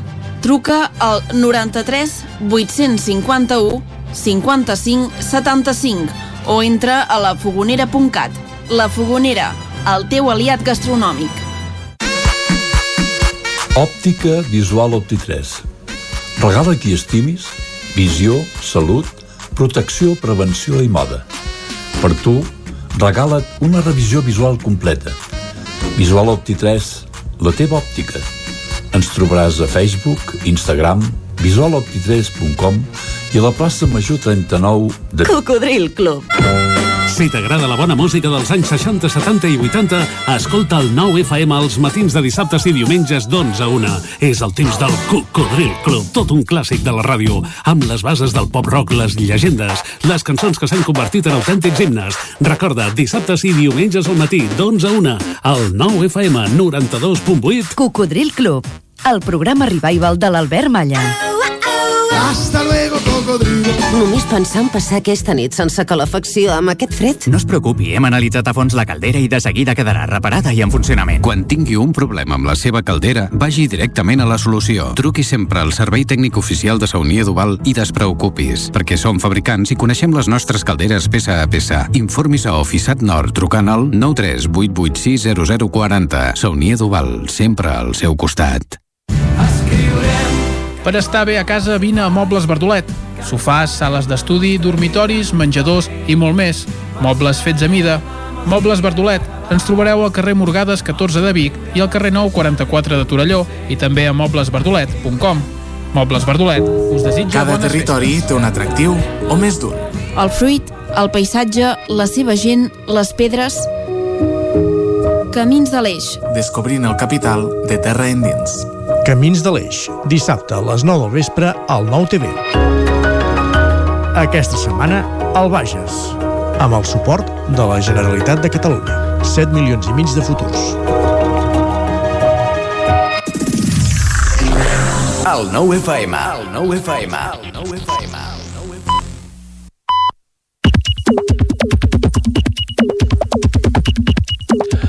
Són dos quarts d'onze, és una hora de fer una ullada a Twitter i eh, a Twitter suposo que es parla com a tot arreu de la notícia del dia, Isaac Moreno. De quin dia i de quina notícia? Doncs del dia d'ahir a la tarda, per exemple. La, la mort de Diego Armando Maradona, perquè ell també era el 25ena, eh? No sé si... Sí, sí, però jo demano a, a Twitter a Twitter de què parla de la fet, gent? l'Edu Pujol de Satrolló Majoritàriament, eh? L'Edu Pujol de Trolló ho lliga tot i diu i en ple 25ena, un gir inesperat de guió posa el focus sobre un senyor de 60 anys que jugava a futbol i prenia cocaïna. Així funciona el món, tot anirà bé. Ja adverteixo que ens ha costat trobar tuits que parlin bé de Maradona. I mira que hi ha gent que l'admira, eh? però el mira. Uh, canviem... És que feia, fa molts anys que sí. ha deixat de ser un jugador que calia admirar. Uh, fem un parèntesi també uh, Toni Rubies Matlleu respecte a la persona sense llar intentada assassinar per la Guàrdia Urbana de Barcelona intentada assassinar per la Guàrdia Urbana de Barcelona 1. La formació dels policies locals a més d'insuficiència estan clarament orientades a la repressió de la ciutadania la modernó normalment sembla que no sembla que no ha, hi ha protocols els que manen, començant pel cínic de l'Albert Batlle, tenen un greu problema si no són capaços de parlar clar i sense embuts quan la policia sobrepassa o actua de forma poc professional. A Catalunya estem fent massa acostumats a veure els xèrifs imposant la seva llei. Uh, el, el fil és llarg, eh? El periodisme d'investigació i compromès amb la societat és imprescindible quan les institucions, en comptes de protegir el vulnerable, fan just el contrari. Quatre és insultant que amb el problema del, del sensellerisme a Barcelona, una vergonya com a societat no hi hagin equips multidisciplinaris de professionals per abordar casos com el de l'altre dia, gràcies als que sempre hi sou, Fundació Arrels, el corporativisme de la policia espanta i deixa desprotegida la ciutadania, és fastigós, miserable i repugnant. 6. Està fora de dubte que la intervenció de l'altre dia és poc professional i 7 i si veient cada dia com, en, com mentre la misèria avança als nostres carrers i barris, la policia fa cada vegada més força impuna acabar amb un, un tuni convicció ACAB, força i ànims margen carai, contundent des de Manlleu. Tornem al, al tema Maradona. Anna Pont, que un jugador de futbol, per molt bo que sigui, acabi de- esdevenint un ídol absolut i les masses l'adorin quasi perdent els papers, diu molt de l'espècie humana, concretament molt poc. Xavi Font, un altre yonqui convertit en mite, i els meus fills mirant-ho. els fills d'en Xavi Font, mm -hmm. dubto que sàpiguen qui era Maradona, eh? Exacte. Jordi Bou, aquest és periquito, eh? Diu, dia, dia trist pel món del futbol. El millor jugador que jo, diu majúscules, és esportivament parlant. Etiqueta Maradona. No sé si ho deia quan jugava al Barça, això. Bé, exacte, això és perquè no va al camp del Barça. Exacte. Aleshores no pot veure jugar Messi. Ah, és això, perquè per la tele no, no surt, dir, eh? no se'l mira. Josep Maria Diegues, ha quedat clar, la Carulla havia d'haver estat futbolista. Això és el que porta tot el dia dient en Jordi Sunyer. Veus? Xevi Febrer, el primer que em ve al cap és la festa que porta aquest tema quan sento el nom d'aquest extraterrestre del futbol, Grande Diego. Miquel Muñoz, i la vida, és, i la vida sigue quasi igual, Maradona eterno, diu. Un altre parèntesi, diu, en Vilarrodà es fa ressò d'un titular d'aquest matí als matins de TV3. Argimon, secretari de Salut Pública, si poguessin pagar els ajuts de manera directa als sectors afectats, no, reobrint, no estaríem reobrint negocis. I en Vilarrodà, que diu així de clar, a França o Alemanya, que poden pagar ajuts, restauració i cultura segueixen tancats. Aquí s'ha obert perquè la situació és insostenible econòmicament, no perquè estiguem bé. El president Torra i piulava mentre vaig ser president de Catalunya no es va aprovar cap pressupost espanyol. Al contrari, vam tombar-los. No es poden aprovar els pressupostos d'un estat que et vol més nacionalment i és fixat econòmicament. És un dels honors més grans de la meva carrera política. I en Francesc Codina que diu, cert, cert, a l'Estat es van anar prorrogant els pressupostos que venien del PP i a Catalunya només es va aprovar un pressupost gràcies a la negociació del vicepresident Aragonès i Esquerra amb els comuns.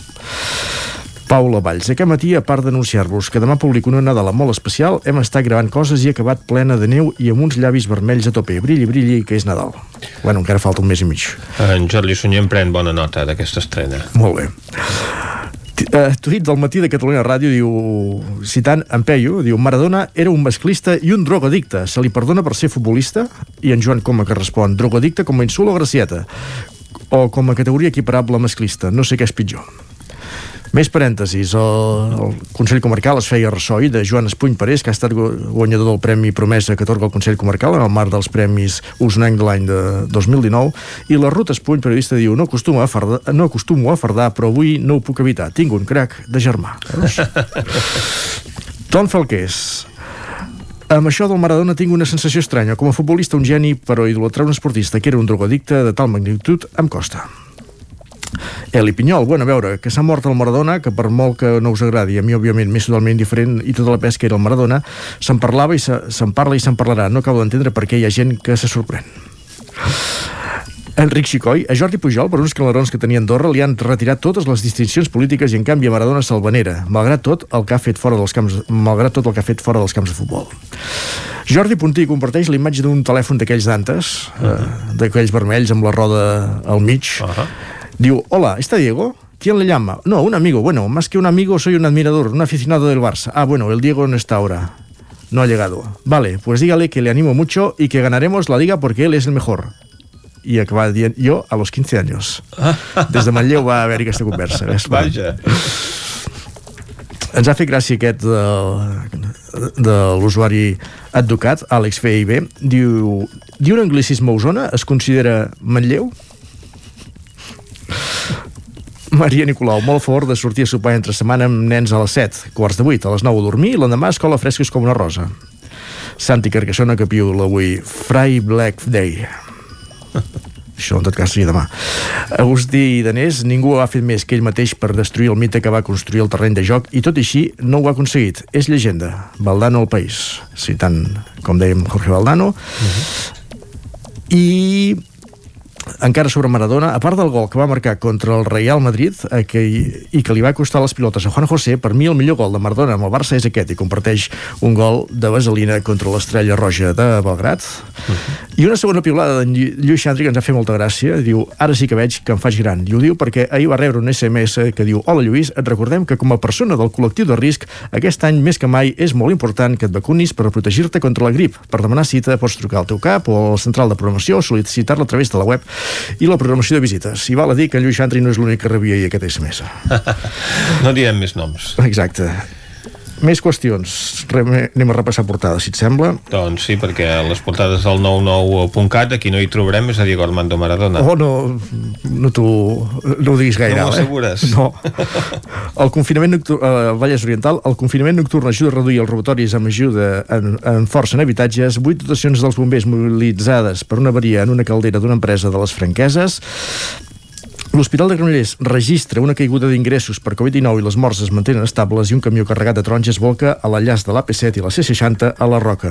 Ho deia que no ho diguis gaire alt perquè hi va haver-hi ahir, com que fa 15 dies, eh, Eloi Vila, a la contraportada, va fer un article sobre Maradona i a les xarxes del 9-9 es va compartir l'article un cop es va saber la notícia. Uh -huh. L'Hospital de Vic comença a recuperar l'activitat de jornada, diu l'edició d'Osona i el Ripollès. El sector primari va fer baixar fins al 0,3 del BAB al Moianès el segon bloc dels pisos de Can Garcia de Manlleu completament buit i un pas de l'Enderroc i Manel Moreres proclama guanyador del Premi Usnenc de l'any 2019. Molt bé, doncs, moltes gràcies, bé, Isaac, per bon aquest dia. repàs a l'actualitat. Territori 17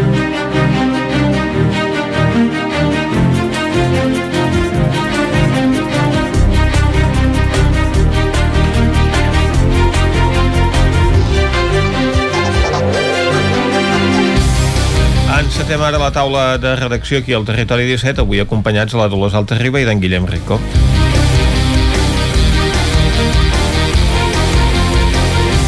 Guillem, ahir hi havia ple del Consell Comarcal d'Osona, oi? Un ple, sí, bon dia, uh, un ple bastant trist i bastant curt, uh, virtual també. Maradona?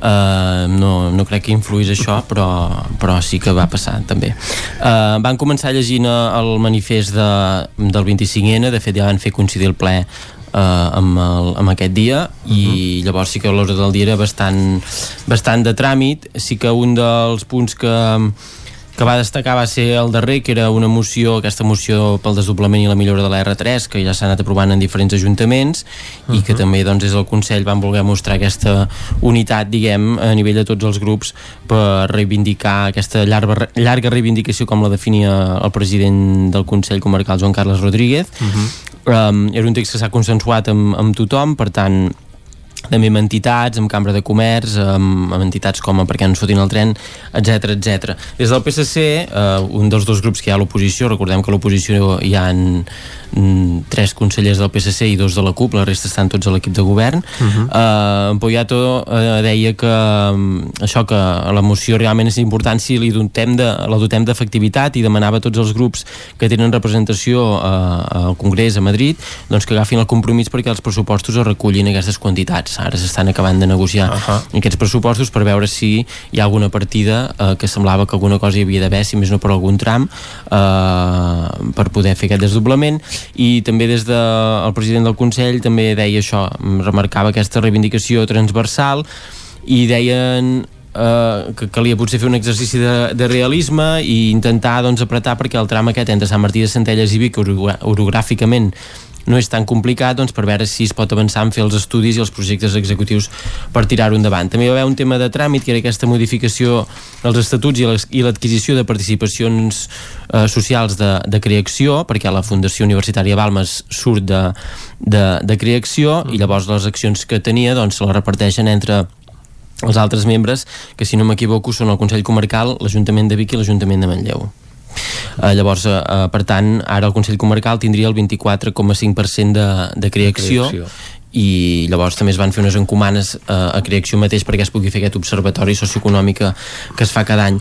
També hi van haver mm, temes de tràmit, eh, de subvencions pel tema de, de transport escolar, per uh -huh. les baixes aquestes que hi havia hagut eh, perquè no, es va, no hi va haver transport escolar entre el març i el juny, també per temes de, de menjadors, doncs es van re, reubicar aquestes partides que que no s'havien executat i també hi ha aquesta modificació del servei d'atenció domiciliària que en parlàvem fa uns dies amb el Consell d'Alcaldes que també es va aprovar sí. perquè eh, s'ha fet aquest canvi que ho deixarà de prestar a la FADO, la Fundació Assistencial d'Osona i es farà directament des, de, des del Consell Comarcal després amb aquesta encomana del de, Consorci de, de Catalunya de Serveis Socials no sé si he dit bé el nom i bé, diguem que es va passar pel Consell d'Alcaldes i es feia aquest tràmit també per uh, perquè es fes a través perquè s'havia de fer, diguem, el Consell Comarcal uh mhm. -huh. i des del PSC es van abstenir perquè hi ha una part, eh, això també ha suposat un increment de cost perquè ara els ajuntaments han d'assumir una part que abans no assumien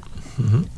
i aquest increment va tot pels ajuntaments. La Generalitat continua fent la mateixa aportació i tampoc s'ha volgut tocar l'aportació que faran els mateixos usuaris. I des del PSC demanaven doncs, que no repercuteixi tot en els ajuntaments. I sí que com ja van dir el Consell d'Alcaldes el conseller d'Afers Socials en Rafa Cuenca deia que estan previst que hi hagi uns ajuts de la Generalitat i que llavors aquesta part aniria tota per rebaixar el cost aquest de, dels ajuntaments. Bàsicament eh, el ple a part d'altres coses eh, petites petites, doncs va anar per aquí. Molt bé, doncs moltes gràcies, Guillem. Eh, anem a parlar ara amb la Dolors Alta Riba de dades econòmiques, les que han quedat recollides en l'anuari comarcal del BBVA i també en l'informe trimestral de la Cambra de Comerç, Dolors. Sí, uh, hola, bon dia. Sí, l'anuari comarcal del BBVA que, que, que, que parla de les dades de, de l'any passat, no? Uh mhm. -huh. El que passa que, evidentment, eh, com que es fa durant aquest any i veient tot el que va passar doncs, doncs durant el març ja es va fer un, un informe que, que intentés també comprendre o entendre quina és la millor o quines són les els punts febles i les fortaleses de l'economia catalana perquè veient el que va passar amb la pandèmia doncs ja, ja es va veure que doncs costava d'aguantar-se certes coses no? Uh -huh. uh, el 2019 ja, ja va ser un any de lentiment de lentiment econòmic Uh, el, el, el, el BAP català va ser del 2,1 eh, a Osona, el Ripollès i el Moianès estan tots tres per sota d'aquesta mitjana, diguem-ne, catalana.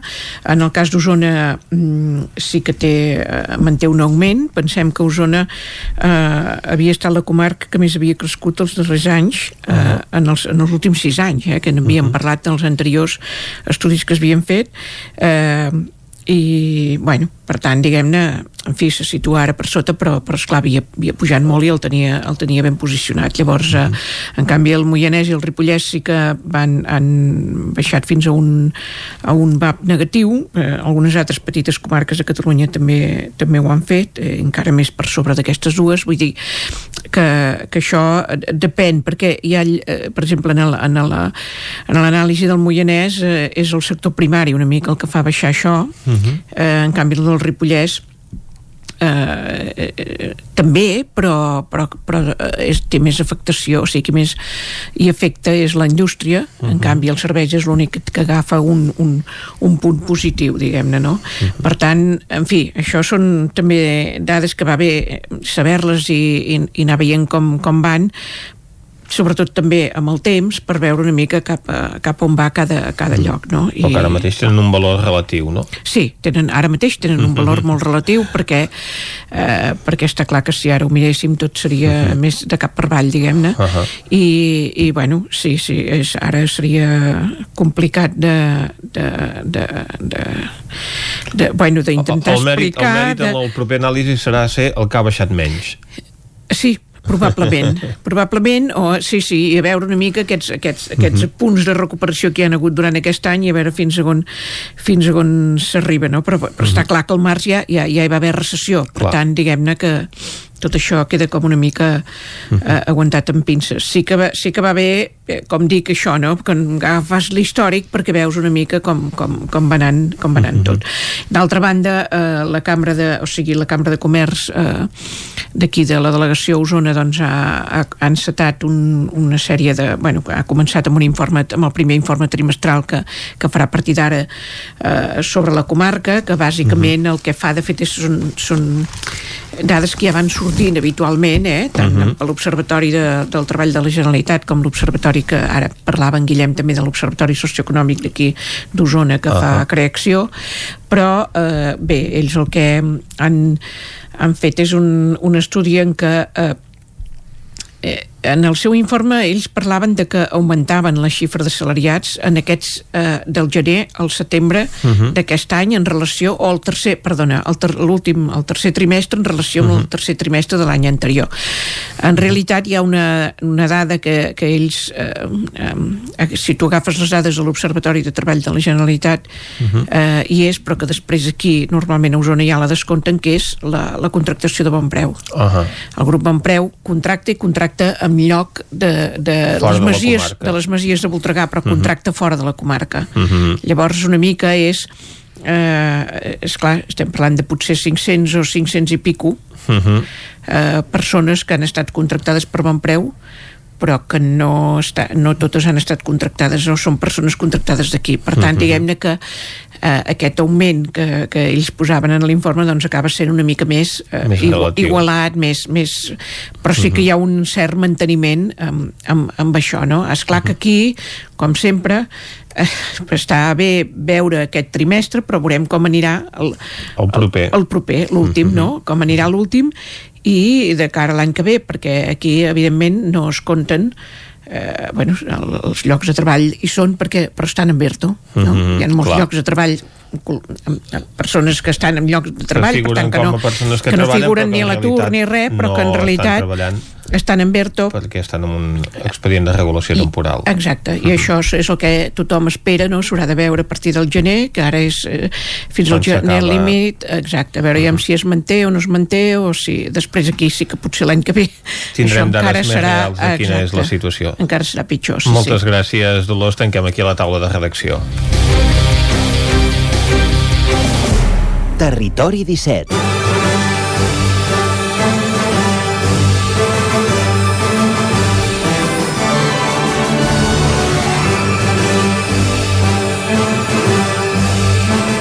Tanquem la taula de redacció, és dijous i ens toca anar al cinema i no hi anem mai sols, Vicenç, Per i anem, sort. i anem amb la Núria Lázaro, que de cinema en té molts més coneixements que no pas nosaltres. I el que farem ara mateix és demanar-li de què ens parlarà avui, no? Doncs, Núria, aviam, de què ens parlaràs avui? Doncs ahir, dia 25 de novembre, celebrava el Dia Internacional per a l'eliminació de la violència envers les dones i avui volia fer un petit record escollint quatre sèries que mostren amb fets reals la violència envers les dones. L'Assemblea General de les Nacions Unides va aprovar que el 25 de novembre se celebrés el Dia Internacional per a l'eliminació de la violència envers les dones en memòria de les germanes Mirabal, tres opositores al règim del dictador Dominicà Trujillo assassinades al 1960. Per tant, avui el que he fet ha sigut un recull de quatre sèries basades en casos reals que podeu trobar a les plataformes digitals. Did he kill himself? Was he killed? There was something happening here that was bigger than just Jeffrey Epstein.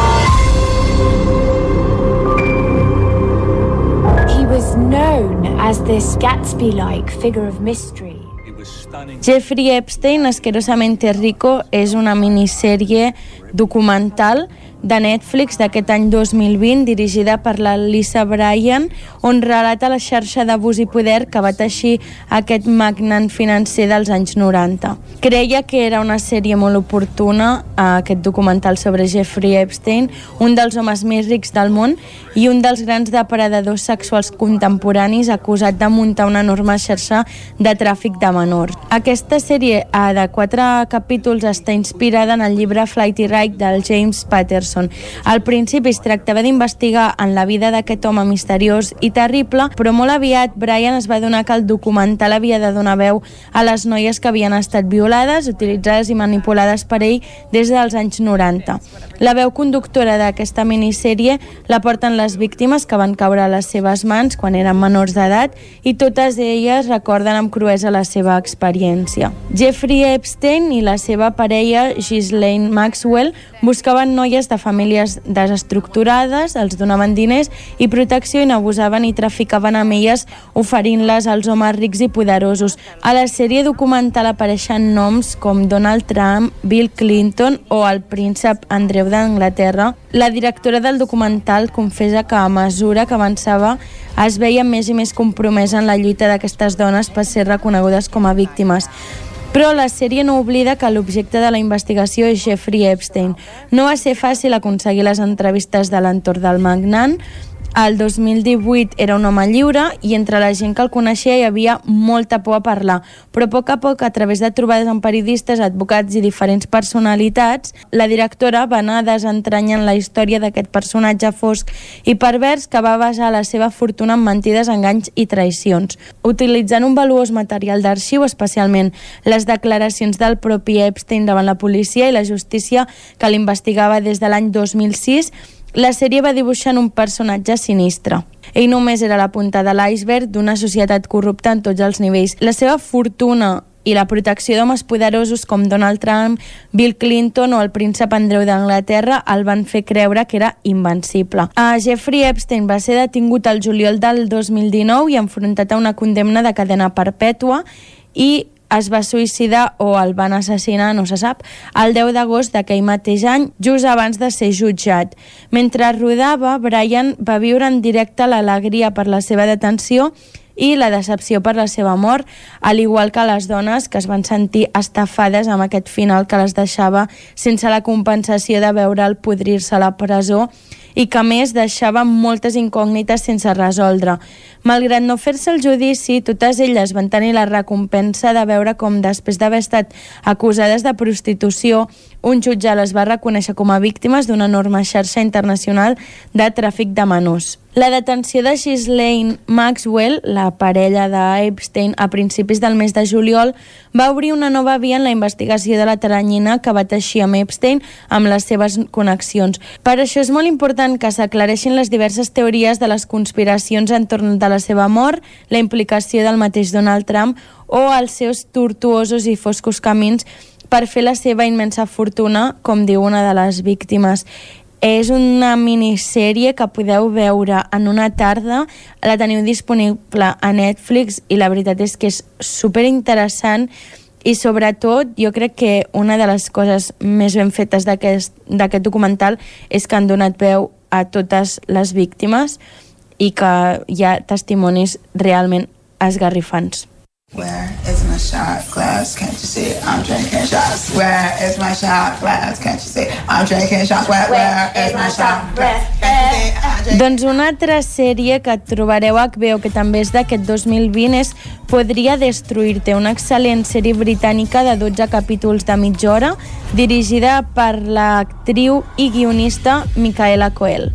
L'Arabella és una jove escriptora feliç i despreocupada i després d'un èxit inesperat a les xarxes socials que la va convertir en la veu de la seva generació, es troba amb el repte d'escriure un nou llibre.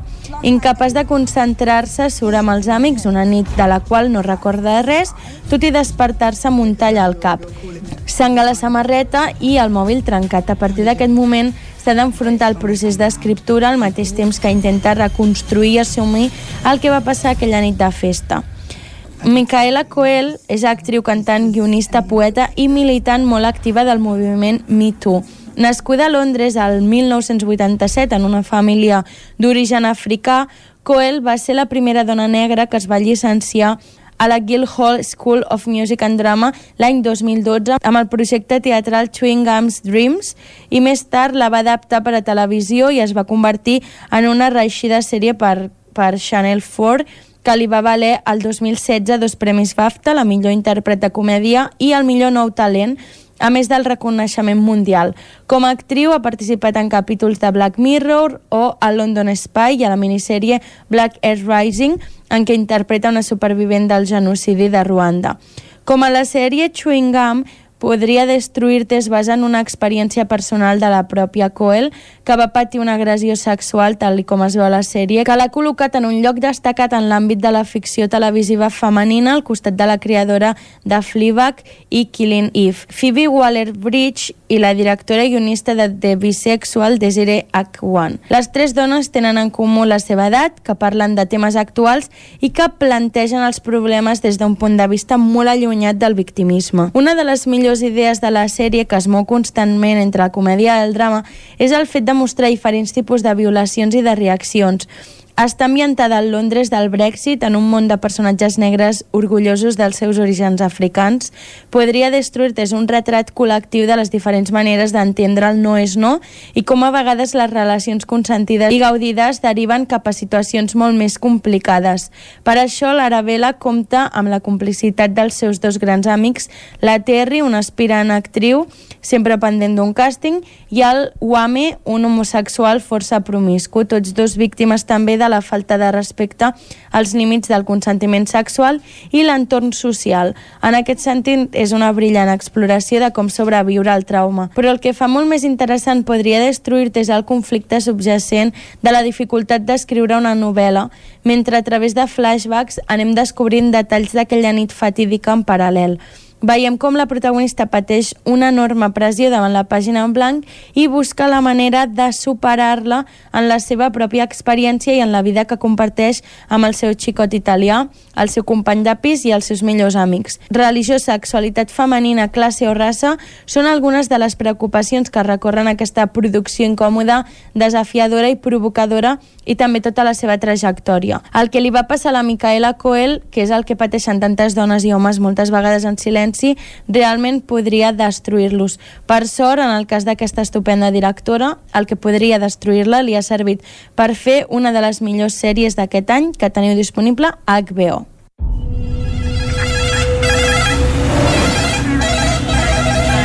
Side लगा साइड लगा साइड लगा क्या हुआ What happened?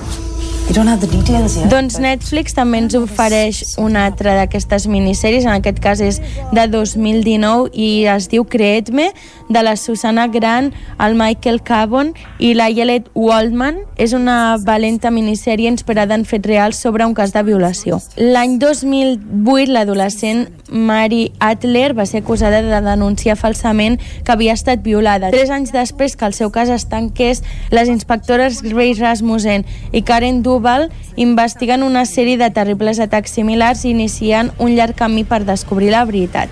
Creedme es basa en l'article guanyador del Premi Pulitzer l'any 2016 An Unbelief Story of Rape del Ken Armstrong i el Christian Miller sobre una sèrie de violacions ocorregudes entre els anys 2008 i 2011 en els estats de Washington i Colorado i la sèrie és una creació de la Susana Grant, el Michael Chabon i la Yelet Wallman i està dirigida, entre altres, per la Lisa Cholodenko. La producció es centra principalment en la història de la Maria Adler, personatge que interpreta la Caitlin Dever, una de les dues protagonistes del film Superempollones. Quan va denunciar l'agressor, Adler va ser pressionada pels agents de policia i qüestionada per algunes de les contradiccions del seu relat. L'altre gran pilar sobre el qual se sustenta la narració és la parella de detectius de policia formada per la veterana actriu australiana Toni Collette, que s'encarrega d'interpretar la inspectora Rasmussen, el personatge més dur i cínic, i Merit Weber, rostre habitual en sèries de televisió que ofereix tota la seva calidesa i serenitat a la inspectora Duval. El primer capítol és el més dur i el que justifica el títol, que és quan la Marie denuncia la violació però ningú la creu, ni la policia ni tan sols el seu entorn més proper i l'acusen d'haver-s'ho inventat.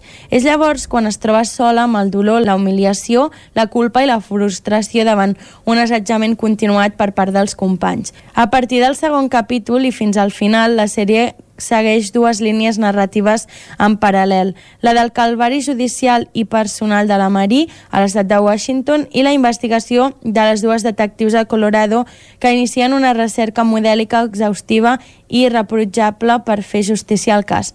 Els seus personatges funcionen a la vegada com a representants d'una altra mena d'agressió, la de les dones que treballen en un ambient predominantment masculí. Les dues es converteixen en àngels de la guarda, com les anomena una de les víctimes, que vellen pel benestar d'aquelles que no poden defensar-se per si soles.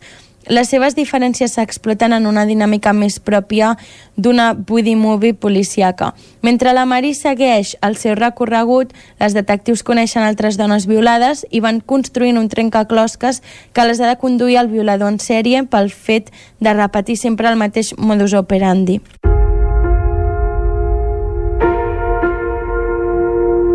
I know this is hard, but I need to ask you some questions about what happened. He tied my hands.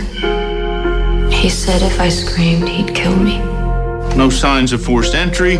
Doors and windows were locked. No DNA. Not a single neighbor saw or heard a thing.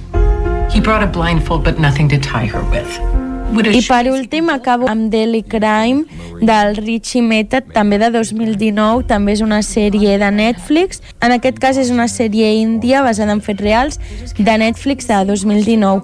Daily Crime és un projecte personal del canadenc d'origen indi Richie Mehta que coneixia el cas de violació en grup i assassinat ocorregut al sud de Delhi el 16 de desembre de 2012, que va commoure la societat i va aconseguir una gran repercussió internacional. El director només va començar a pensar en fer una ficció quan va conèixer el comissari en cap de la policia que li va donar accés a tota la documentació i li va demanar que fes una pel·lícula sobre aquest cas conegut amb el nom de Nirvaya. Llegint tot el material, Meta es va donar de la curada investigació que es va fer, de la rapidesa amb què es va resoldre el cas i de les conseqüències que va tenir en el canvi de legislació sobre els casos de violació a la Índia, que a partir d'aleshores va endurir les penes. La sèrie consta de 7 capítols de 45 minuts i comença amb l'aparició d'una parella despullada en una cuneta d'una carretera. Tots dos han estat atacats en un autobús urbà circulant pels carrers de la ciutat. La noia ha estat brutalment violada amb una crueltat insuportable. El noi ha rebut cops i contusions. Els agents comencen una investigació contra rellotge per trobar els violadors, mentre l'opinió pública reacciona exigint justícia i els polítics aprofiten per maniobrar contra els comandants de la policia en lloc de donar-los suport en la seva feina. Els protagonistes són el grup de policies que durant 5 dies es dediquen cos i ànima a cercar els criminals.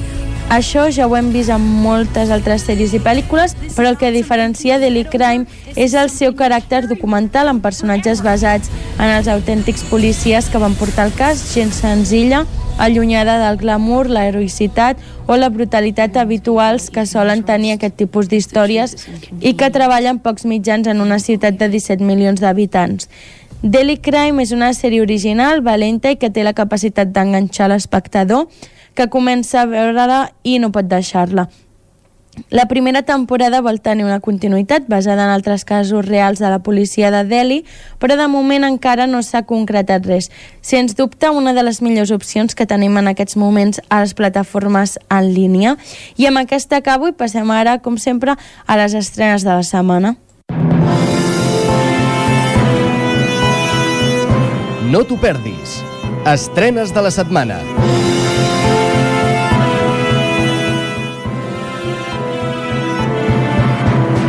Doncs ara sí, parlem de les estrenes i passarem per sobre perquè, com tots sabeu, els cinemes acaben d'obrir, tot just estan reformulant les seves cartelleres, així que si voleu anar al cinema aquest cap de setmana haureu de cercar a la web perquè fins demà suposo que no penjaran la cartellera.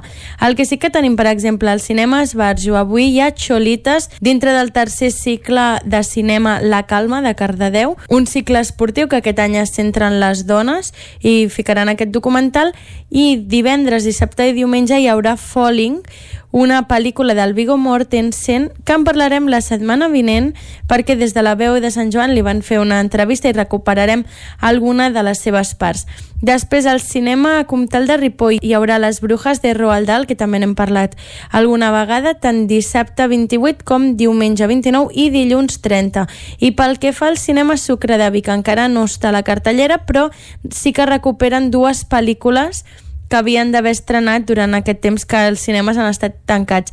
Per una part, Ni de conya, de Fernando Ayllón, una comèdia que s'havia d'haver estrenat el 13 de novembre, amb el Jordi Sánchez o la Natali Sesenya com a protagonistes, i per altra part, Sentimental, que també s'havia d'estrenar en aquest cas el 30 d'octubre, la pel·lícula del Cés Gai, una comèdia que en vam parlar al cinema fa unes setmanes. I això és tot per avui. La setmana que ve us porto, com us deia, aquest trosset d'entrevista del Viggo Mortensen i moltes novetats. Doncs deixem el cinema aquí a Territori 17 i quan són les 11 i 6 minuts el que fem és acostar-vos de nou l'actualitat de les nostres comarques, les comarques del Ripollès, Osona, el Moianès i el Vallès Oriental. Territori 17, amb Vicenç Vigues i Jordi Sunyer.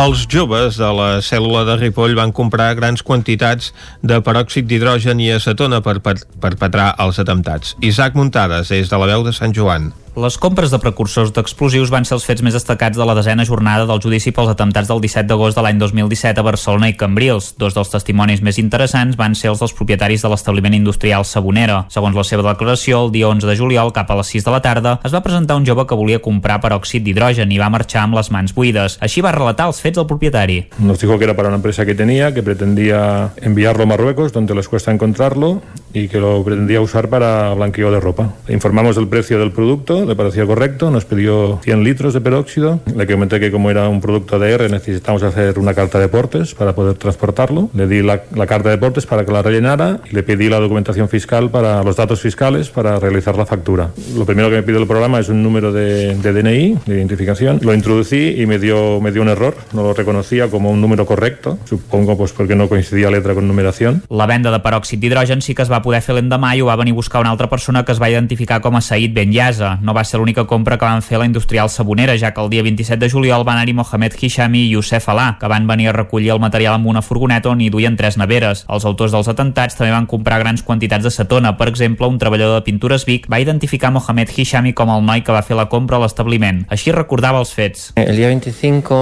nosotros uh, llegó a nuestra tienda un chico joven en el cual nos pidió si teníamos o distribuíamos acetona. Nosotros en ese caso dijimos que sí y quedamos en que el día siguiente pasaría a recoger una cantidad que en su momento nos preguntó el stock y en ese momento teníamos unas siete garrafas. Quedamos al día siguiente que dijo que ya le parecía bien y que pasaría a recogerlas el día siguiente. El día 26, si no recuerdo mal, sobre bastante temprano por la mañana, el chico se presentó a la tienda a recoger dicho material. Les garrafes eren de 25 litres cadascuna, 175 litres en total, i li va dir que les volien per netejar unes peces de metall. El treballador va identificar a Mohamed Hishami com el comprador i va dir que era molt educat i parlava un català perfecte. Hishami també va comprar 150 litres de cetona en dos dies diferents a Audi Pintures Tortosa i 100 litres més a Pintures Galindo. A més, presumptament hauria robat una garrafa d'àcid sulfúric de 25 litres a l'empresa on treballava, Conforça, a Camp de Bànol. Al judici també van declarar algunes treballadores de botigues de venda d'or on els autors dels atemptats van vendre joies, per exemple, en un establiment de Vinaròs, dos dies abans dels atemptats. En aquest cas, van haver-hi de tornar l'endemà perquè la dependenta no tenia prou diners per pagar-los. Uns dies abans també va venir un altre noi i com que no li va agradar l'aspecte no n'hi va comprar cap. També va declarar la propietària del restaurant Canaules de Ripoll, on havia treballat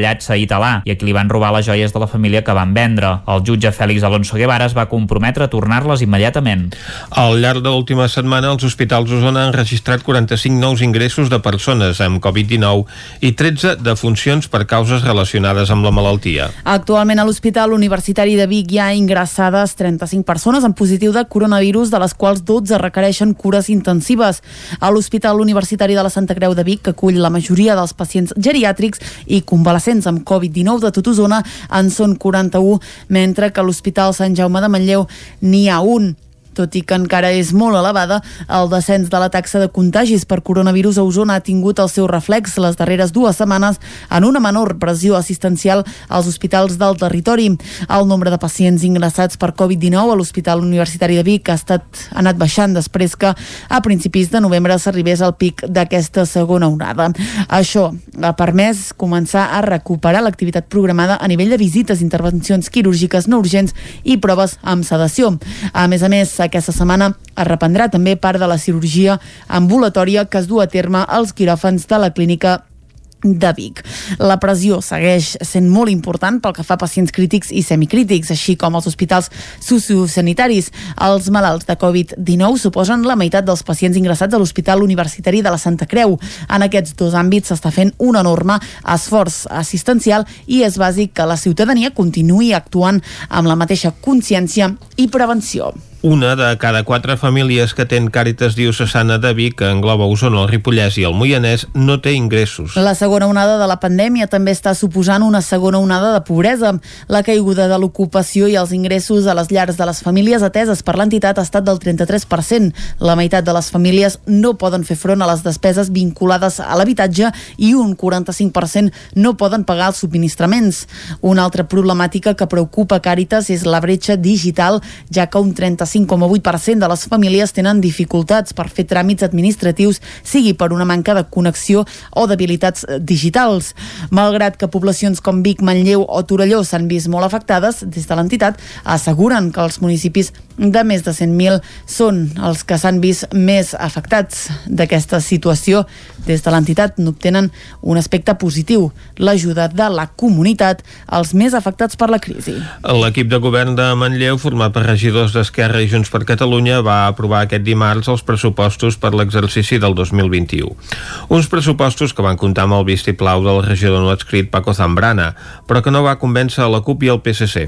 El capítol d'inversions destaca la fi del programa de modernització dels polígons i l'inici de la comissaria de la policia local. El pressupost de l'exercici 2021 de l'Ajuntament de Manlleu, dotat en 22,3 milions d'euros, va aprovar-se aquest dimarts amb els vots a favor de l'equip de govern i de Paco Zambrana, regidor no adscrit, malgrat la discrepància de la CUP i el PSC, que hi van votar en contra.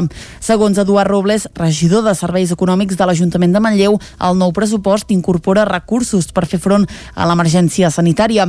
De fet, arran de la pandèmia, l'àrea de serveis socials és la que més ha vist incrementar la despesa. Una tendència que, segons Eduard Robles, es repetirà l'any 2021 i per tant eh, entenem que és important dotar aquesta partida de, de mig milió d'euros per afrontar doncs, totes aquelles, eh, totes aquelles eh, urgències que ens puguin sorgir durant, durant tot l'exercici pressupostari que com a altra banda passat aquest any doncs ens ha anat molt, molt bé.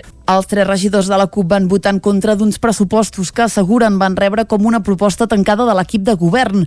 Lamenten que no s'hagi comptat amb la seva participació ni tampoc amb la de, la de, la de la ciutadania. Flori Martínez és regidora de la CUP a Manlleu.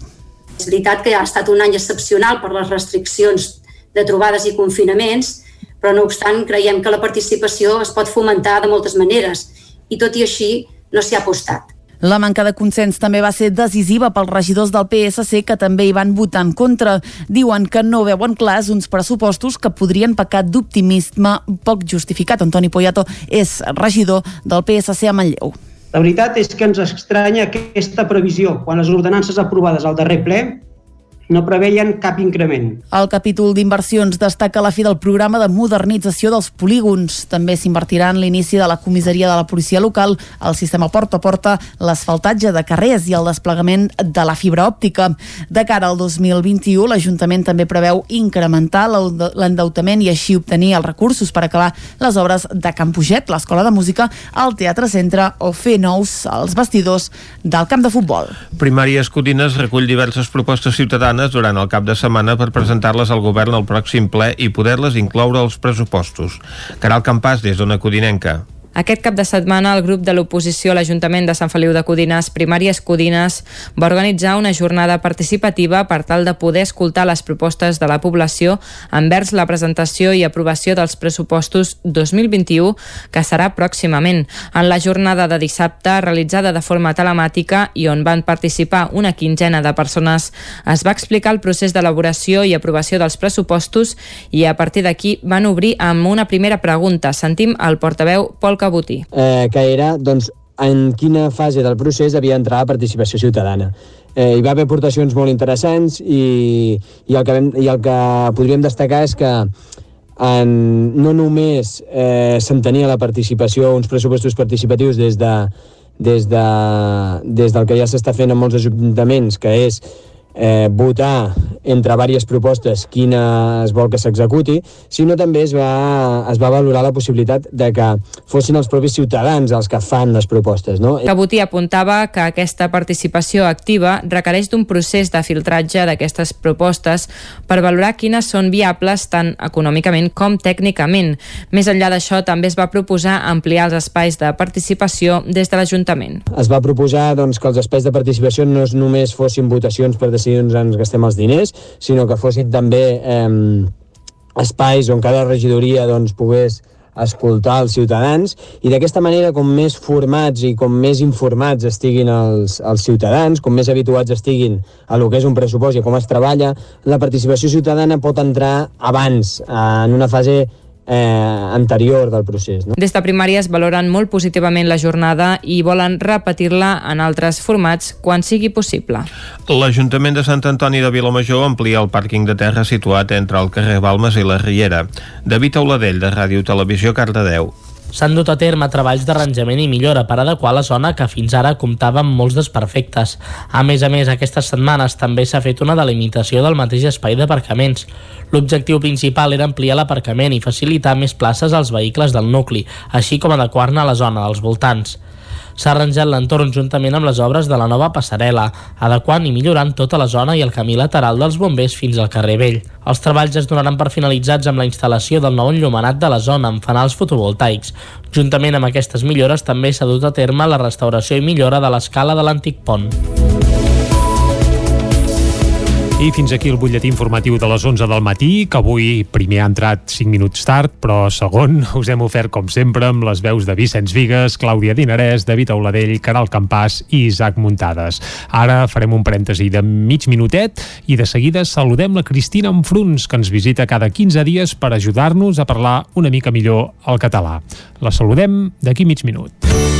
Territori 17. Envia'ns les teves notes de veu per WhatsApp al 646 079 023. 646 079 023. WhatsApp Territori 17.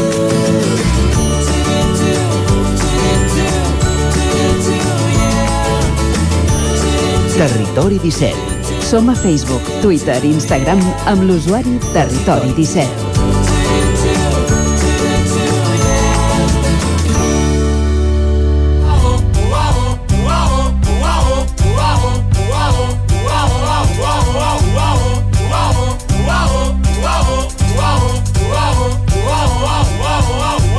Sobren paraules. Doncs ja som a la secció de paraules i curiositats del català. La Cristina no n'hi sobren mai, eh, Vicenç, de paraules. No, se les sap totes. Els Antònia Font, clar, com que ja estan difunts, que els sentim perquè és la sintonia que ens il·lustra i que ens situa en aquesta secció, doncs sí que els n'hi sobren, evidentment. Uh -huh. uh, va, ens deixem de- d'embolicar, de, anem a saludar la Cristina. Bon dia, Cristina. Bon dia, bon dia. Bon dia i bona hora. I de què ens parlaràs avui? Aviam. Bé, doncs avui, aprofitant que aquesta setmana eh, hem estat de celebracions i hem celebrat els 10 anys del nou FM, uh -huh. debatrem entre el felicitats o el per molts anys. Uh -huh. I és que abans felicitats es deia molt, poc, molt poc, però darrerament s'ha imposat, segurament per la influència, evidentment, del castellà, uh, del Felicidades. Uh -huh. I en canvi, cada vegada es va dient menys aquest per molts anys. Alguns fan la diferència entre per l'aniversari en diuen per molts anys i pel sant en diuen felicitats. No sé si vosaltres ho, ho, ho, us hi heu fixat, però Uh -huh. i això és fals, no? Per Això tant, no cola, eh? hem de desmentir aquesta creença que estat tan extesa. L'expressió per molts anys significa per molts anys ho puguis celebrar. Per tant, eh, tant es pot fer servir per felicitar l'aniversari com per felicitar el dia del teu sant. Mm. En canvi, felicitats és un cas és un cas de, del castellà felicitats, no? Per tant, en català no existeix encara que en algun diccionari eh, reculli aquesta paraula en plural, és a dir, molts diccionaris la donen com a bona, eh? diuen felicitats, moltes felici com a forma de felicitació, el castellà, però no és la manera de felicitar en català, sinó que és millor dir per molts anys o enhorabona, segons l'ocasió. Sí, però que mm, tinguem en compte que el català, si nosaltres busquem l'entrada felicitat, ho dona com a bo, és un estat d'ànim. El que passa que és incomptable i, per tant, eh, el nom de coses no comptables no ha d'anar en plural. Eh? Podem dir quina felicitat tenir un fill o gaudir de felicitat.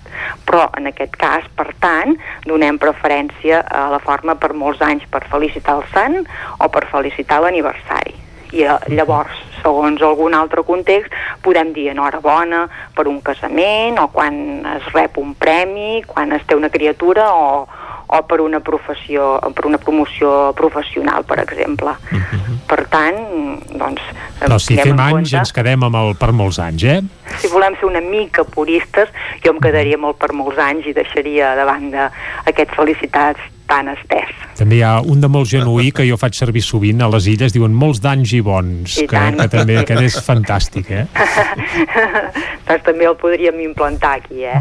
Sí, estaria bé, estaria bé. I tant. Ens l'apuntem. Uh, Doncs Cristina, això ens queda clar. Uh, anem a escoltar una cançó? Doncs vinga. Va, anem a escoltar una cançó que ens portes avui uh, d'un astre que, vaja, jo crec que parla molt bé el català, eh?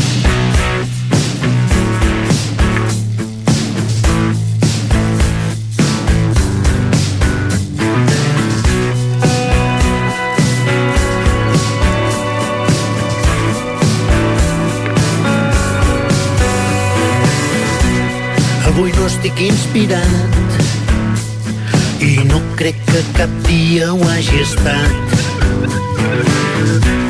Mitja vida sense tu i l'altra mitja encara sense mi. Inspira'm tu, com sempre has fet, inspira'm i t'inspiraré. Torna'm al món que junts vam fer, perdut per sempre més. I dona'm el consol del teu herètic sacrament, com un beat vull enfilar-me al cel. Des de lluny t'he cridat en la boira, tu de lluny em cridaves a mi, i t'has vist obligada a estimar-me, com catòlics ens hem fet patir. Un boig a buscar-te, abans no se'ns acabi la nit. Massa copes i massa paraules, massa idiotes i massa neguit. Doncs la cançó és massa en la versió que hi ha ara al Si plou farem el pavelló, el nou disc del Quimi Portet, editat fa uns dies, un disc eh, en directe, Live in Cincinnati es diu, bé, en directe truc, eh? diguem que la cosa té trampa, però vaja, Cristina, ens has volgut dur aquesta cançó, eh? i ja dèiem abans, sí. almenys deia jo, que el Quimi Portet segurament és un dels músics nostrats que més cuida i que més cura té del llenguatge que fa servir, uh, no? Sí, sí, sí, doncs sí, sí no, no, no podem dir gai, mai massa res, però m'ha fet gràcia, a part del, de, ja, el, el xistes aquest, que segurament ho fa expressament, aquest xistes, quan uh -huh. diu massa xistes, Acudit, acudit. Vale, sí, no, ell diu xista, sí, sí. però bé, a part d'això i un sacrament que se li cola aquí quan hauria de ser amb G, eh? a part d'això m'ha fet gràcia perquè comparant-ho amb, la, amb la versió que fa ell fa molts anys, no sé quants, potser era del 2011 o així, amb Manolo García, No, no, era del segle passat. Bé, no, Era jo què doncs, la, la, la cançó era original de l'hoquei sobre pedres, que era un disc de l'any 1996 o 97. Doncs eh? Per tant, imagina't com, com ha plogut. de uh, llavors. comparant-ho els dos, uh, uh, en aquesta última una frase que diu massa, massa copes i massa paraules, ell sí que aquest massa, evidentment, uh, és un adverbi invariable i ell uh, compleix la norma i, i, i sempre ho fa així, però en canvi en la versió amb, amb, amb en Manolo García sí que hi detectem que, que aquesta invariabilitat no es compleix de forma estricta, ja que en algun cas, a ser una estrofa que es va repetint a tota la cançó, en algun moment se'ls escapa aquesta forma utilitzada en plural i algun cop diuen massa copes, masses paraules, massa idiotes, masses neguits, no? Potser és el Fa Manolo que hi posa la S, eh? Tots dos, eh? o tots dos, són tots dos, sí. Però en aquest cas, eh, però quan en aquesta ver- versió nova sí que ell ho fa eh, perfecte. Bé, cal dir que en la versió nova no hi ha el Manolo Garcia, eh? Uh, hi ha el Quimi Portet i prou, pelat, eh? Doncs això, m'ha fet gràcia comparar, fer aquesta comparació per, perquè veiem aquest massa eh, invariable. Per tant, ens ha de quedar clar, eh? que massa, en plural, diguem que com a És massa coses no existeix, eh? Exacte, sí, Això que ha també- de ser sempre massa. Mm -hmm. Perfecte. Doncs això aclarit uh, per molts anys, Cristina, que ens has pogut explicar, eh? Gràcies igualment. molts d'anys i bons, que, que dirien també. Uh, en canvi, no et felicitarem, no et direm felicitats, perquè tampoc deu ser el teu aniversari avui, eh? El, mira, doncs és el, el del meu fill, això sí. Ah, Guaita, ostres, doncs, home. Escolta, avui fa anys que et donaven l'enhorabona. Doncs, Sí, senyor. doncs per molts anys, per la part que et toca, que ben Molt bé. devies tenir una bona part de culpa. I tant que sí. Cristina, moltes Molt gràcies bé. per tot. Vinga, Vinga. salut i a Gràcies. reveure. I Vicenç, evidentment, nosaltres ens quedem amb aquest massa del Quimi Portet. Això de Quimi no versió- seria gaire normatiu. Eh? Quimi, home, de, de Joaquim, Quimi, sí, sí, Quim... de Joaquim Quim. Mm, és el poc que, que correspondria. Ai, cas endera. Però jo trobo que ja s'ha fet tan... És un nom artístic. Sí, ja. exacte, s'ha estès mm -hmm. tant i a més ho posa amb Q, eh, no amb K com d'altres miquis. Mm -hmm. Per exemple, el Miqui Núñez, del qual parlàvem dilluns aquí, que estrena disc, doncs el sí, Quimi, uh, doncs ho escriu amb Q, tal com toca, i res, no entrarem en més detalls, el que farem és escoltar una mica aquesta gran cançó, massa en la versió de... gravada en, ri, en directe a Cincinnati, uh -huh. en la versió que ja si plou ho farem al pavelló. Molt amb bé. això arribarem fins a dos quarts, després tornem amb Descobrint Catalunya, de, també anirem a la R3 i acabarem el racó de pensar avui, oi Vicenç? I tant. Vinga, ara Quimi Portet. La comèdia no s'acaba aquí. Correré com un boig a buscar-te abans no Massa copes i massa paraules, massa idiotes i massa neguit. Correré com un boig a trobar-te amb la ment emboirada pel vi. Territori 17. El 9 FM. El 9 FM. Tens 20.000 motius per comprar centelles i és que aquest Nadal repartim 20.000 euros en vals i premis. Només has de demanar la targeta de participació a qualsevol establiment comercial i de serveis de centelles i segellar quatre establiments diferents. Aquest Nadal comprar centelles té premi. Més informació a centelles.cat. Cobertes serveis funeraris. Els nostres tanatoris estan ubicats en els nuclis urbans més poblats de la comarca d'Osona per oferir un millor servei. Tanatori de Vic, Tanatori de Manlleu, Tanatori de Centelles i Tanatori de Roda de Ter. Sabem que són moments difícils i per això el nostre compromís és atendre-us en tot moment amb un tracte humà, sensible i respectuós. Cobertes serveis funeraris. Telèfon 24 hores 93 883 23 46. Només pensar en passar aquesta nit sense calefacció amb aquest fred? No es preocupi, hem analitzat a fons la caldera i de seguida quedarà reparada i en funcionament. Quan tingui un problema amb la seva caldera, vagi directament a la solució. Truqui sempre al Servei Tècnic Oficial de Saunier Duval i despreocupis, perquè som fabricants i coneixem les nostres calderes peça a peça. Informis a Oficiat Nord trucant al 938860040. Saunier Duval, sempre al seu costat. Cocodril Club. Si t'agrada la bona música dels anys 60, 70 i 80, escolta el 9 FM als matins de dissabtes i diumenges d'11 a 1. És el temps del Cocodril Club, tot un clàssic de la ràdio, amb les bases del pop-rock, les llegendes, les cançons que s'han convertit en autèntics himnes. Recorda, dissabtes i diumenges al matí, d'11 a 1, al 9 FM 92.8. Cocodril Club, el programa revival de l'Albert Malla. Hasta luego, Anuncia't al 9FM. La màquina de casa. 9 3 8 8 9 4 9 4 9. Publicitat arroba al 9FM.cat. Anuncia't al 9FM. La publicitat més eficaç. No em trec la imatge dels nens amb cara de velocitat baixant per la pista vermella. Sí, molt divertit. I quin fred. Uh. Tranquil·la, he deixat l'estufa encesa i, i la casa està calenta. Sempre tenim sort de comptar amb Corretja. Són especialistes en aïllaments i estufes. Acabar la jornada d'esquí amb la família al voltant de l'estufa i amb aïllaments de primera és 100% corretja. Corretja. Tot i més a corretja-sl.com. Cada territori té un atractiu o més d'un. El fruit, el paisatge, la seva gent, les pedres... Camins de l'Eix. Descobrint el capital de terra endins. Camins de l'Eix, dissabte a les 9 del vespre al 9 TV. Aquesta setmana, al Bages, amb el suport de la Generalitat de Catalunya. 7 milions i mig de futurs. El 9 FM, el 9 FM, el 9 FM, el 9 FM, el 9 FM.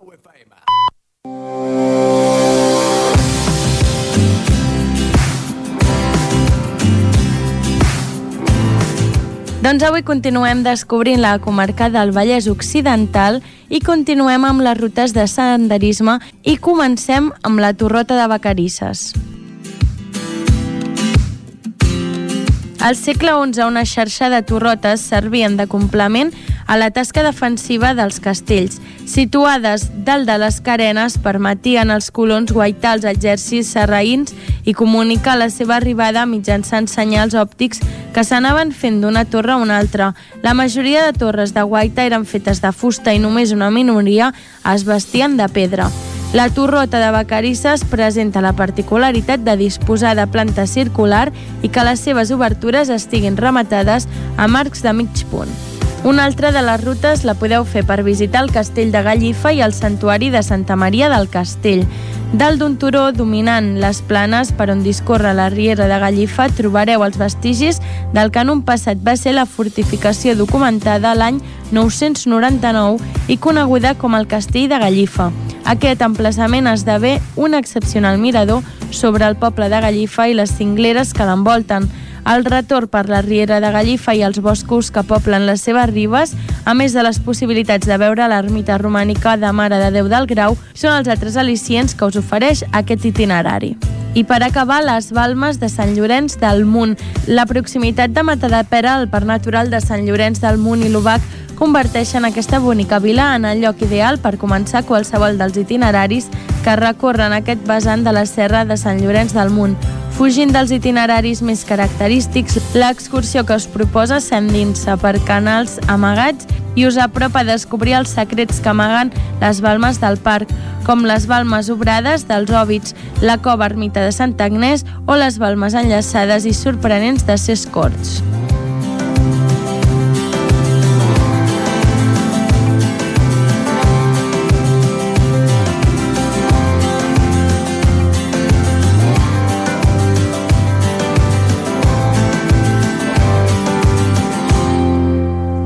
Territori 17. Doncs cap al Vallès Occidental falta gent, però com que en teoria tampoc hi podem anar, el que farem és Avui anar... sí, avui sí. Avui sí, és veritat. Tens... Això Demà també ja és no. cert. Uh, anem a la R3, sí? Anem-hi. Doncs a Trenc d'Alba. A Tren d'Alba. Cada dia els usuaris de la línia R3 de Rodalies que veuen sortir el sol des d'un vagó ens expliquen les gràcies i les penes del primer comboi que uneix Ripoll i Barcelona. Benvinguts a Tren d'Alba. Doncs ja és com una espècie de mantra, però un dia més el col·lectiu perquè no ens fotin el tren ha exigit la recuperació dels sis trens, tres d'anada i tres de tornada entre Granollers i l'Hospitalet de la línia R3. Ho demanen perquè si hi ha més convois la gent pot estar més separada i respectar la distància de seguretat, ja que no tothom agafaria els mateixos trens si tingués més oferta. És una cosa lògica que hem repetit en multitud d'ocasions, però per ara encara no s'ha donat cap solució. A més, des de la plataforma es pregunten per què el govern de la Generalitat de Catalunya limita l'aforament en bars i gimnasos i no ho fan al transport públic, on hi ha més concentració de gent i més desconeguda entre ells. A més, apunten directament sobre el conseller de Territori i Sostenibilitat, Damià Calvet, a qui li diuen que pot eliminar trens i quedar-se tan ample. Per cert, que en el ple d'aquest dimecres l'Ajuntament de Sant Joan de les Abadeses es va afegir a altres consistoris i també va aprovar una moció de suport per la millora i el desdoblament de la línia R3. Va, ens retrobem demà i recordeu que ja portem un retard acumulat de 6 hores i 9 minuts des de l'inici d'aquest mes de setembre. Territori 17. El racó de pensar, a Territori 17.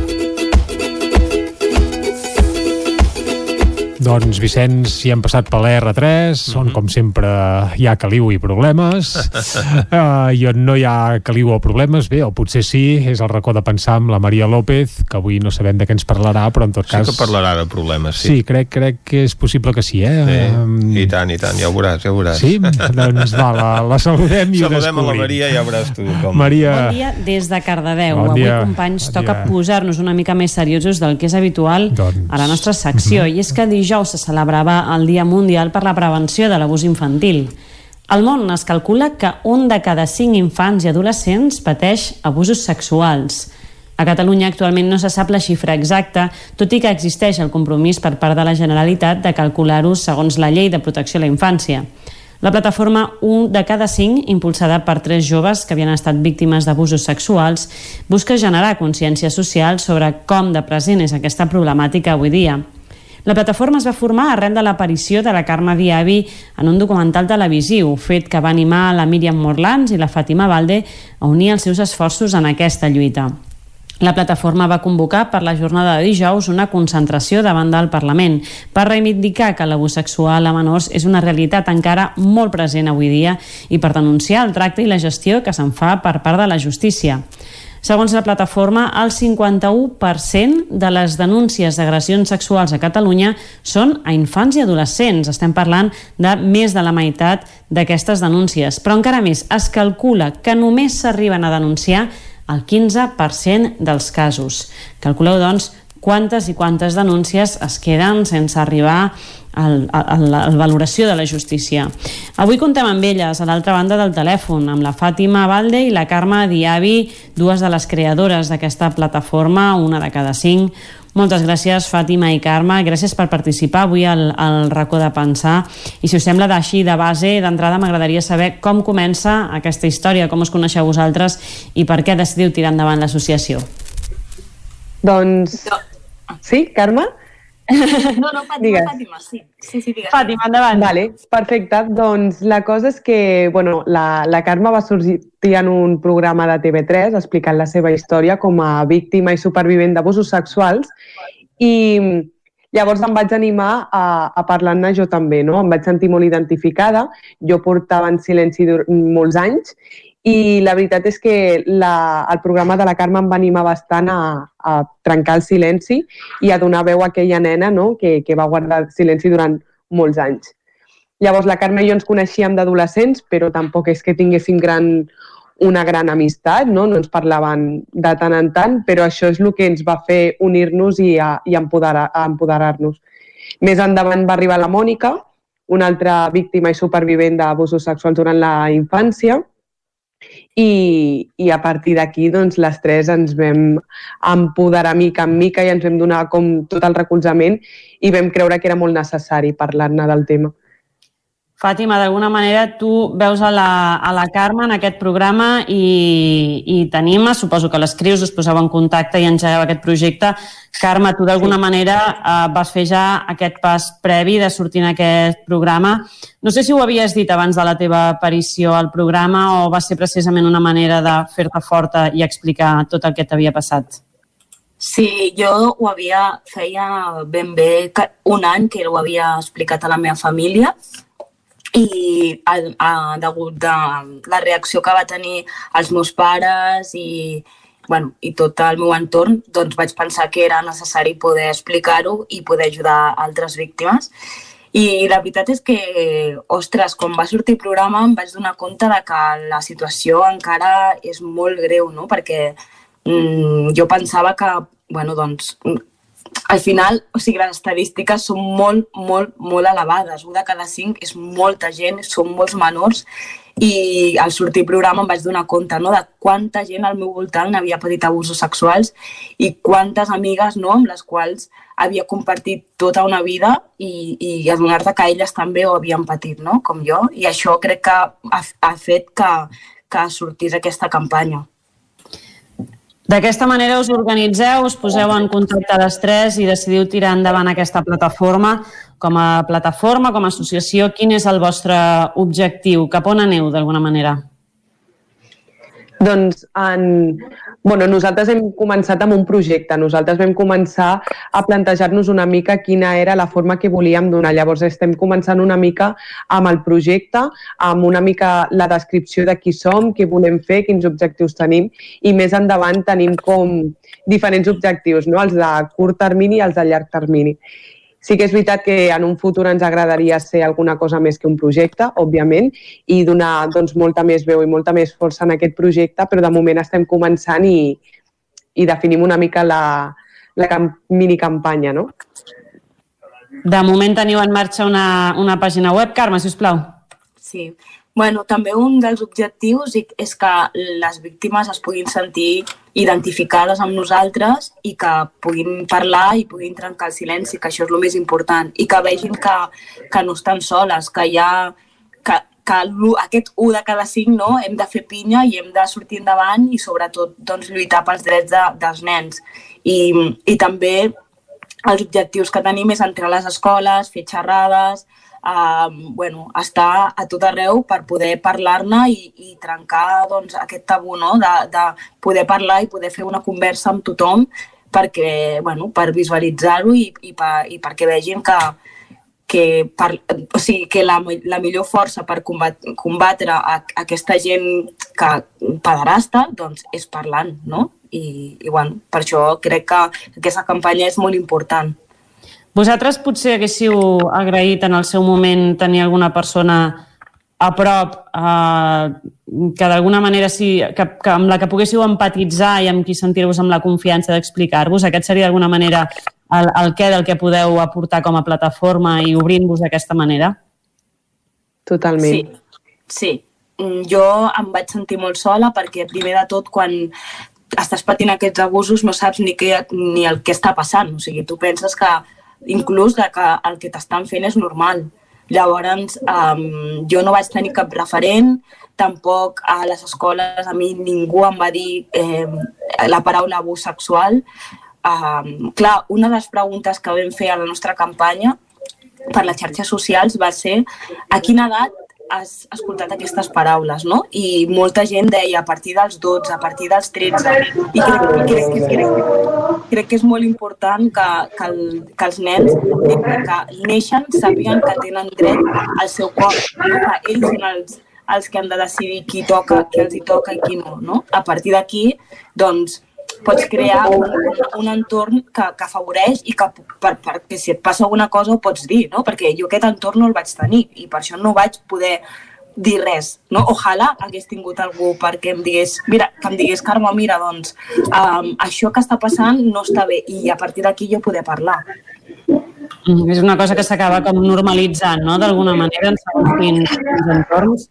Parlàveu d'una de, de cada cinc, és realment una xifra molt elevada i segons la, pàgina, la vostra pàgina web s'estima que només es denuncien un 15% dels casos.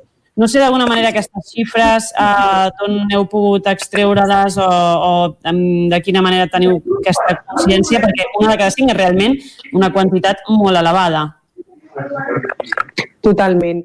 Nosaltres, a, a partir de nosaltres reunir-nos i de més, eh, vam, voler, vam voler cercar una mica més doncs, estadístiques no? I, i veure realment quina era la problemàtica, que és evident que, que existeix, no? però sí que és veritat que ens vam informar una mica de les estadístiques, sobretot per també informar a la resta de les persones de que no és una problemàtica que ens estigui passant a tres persones i a cinc persones més. No, no.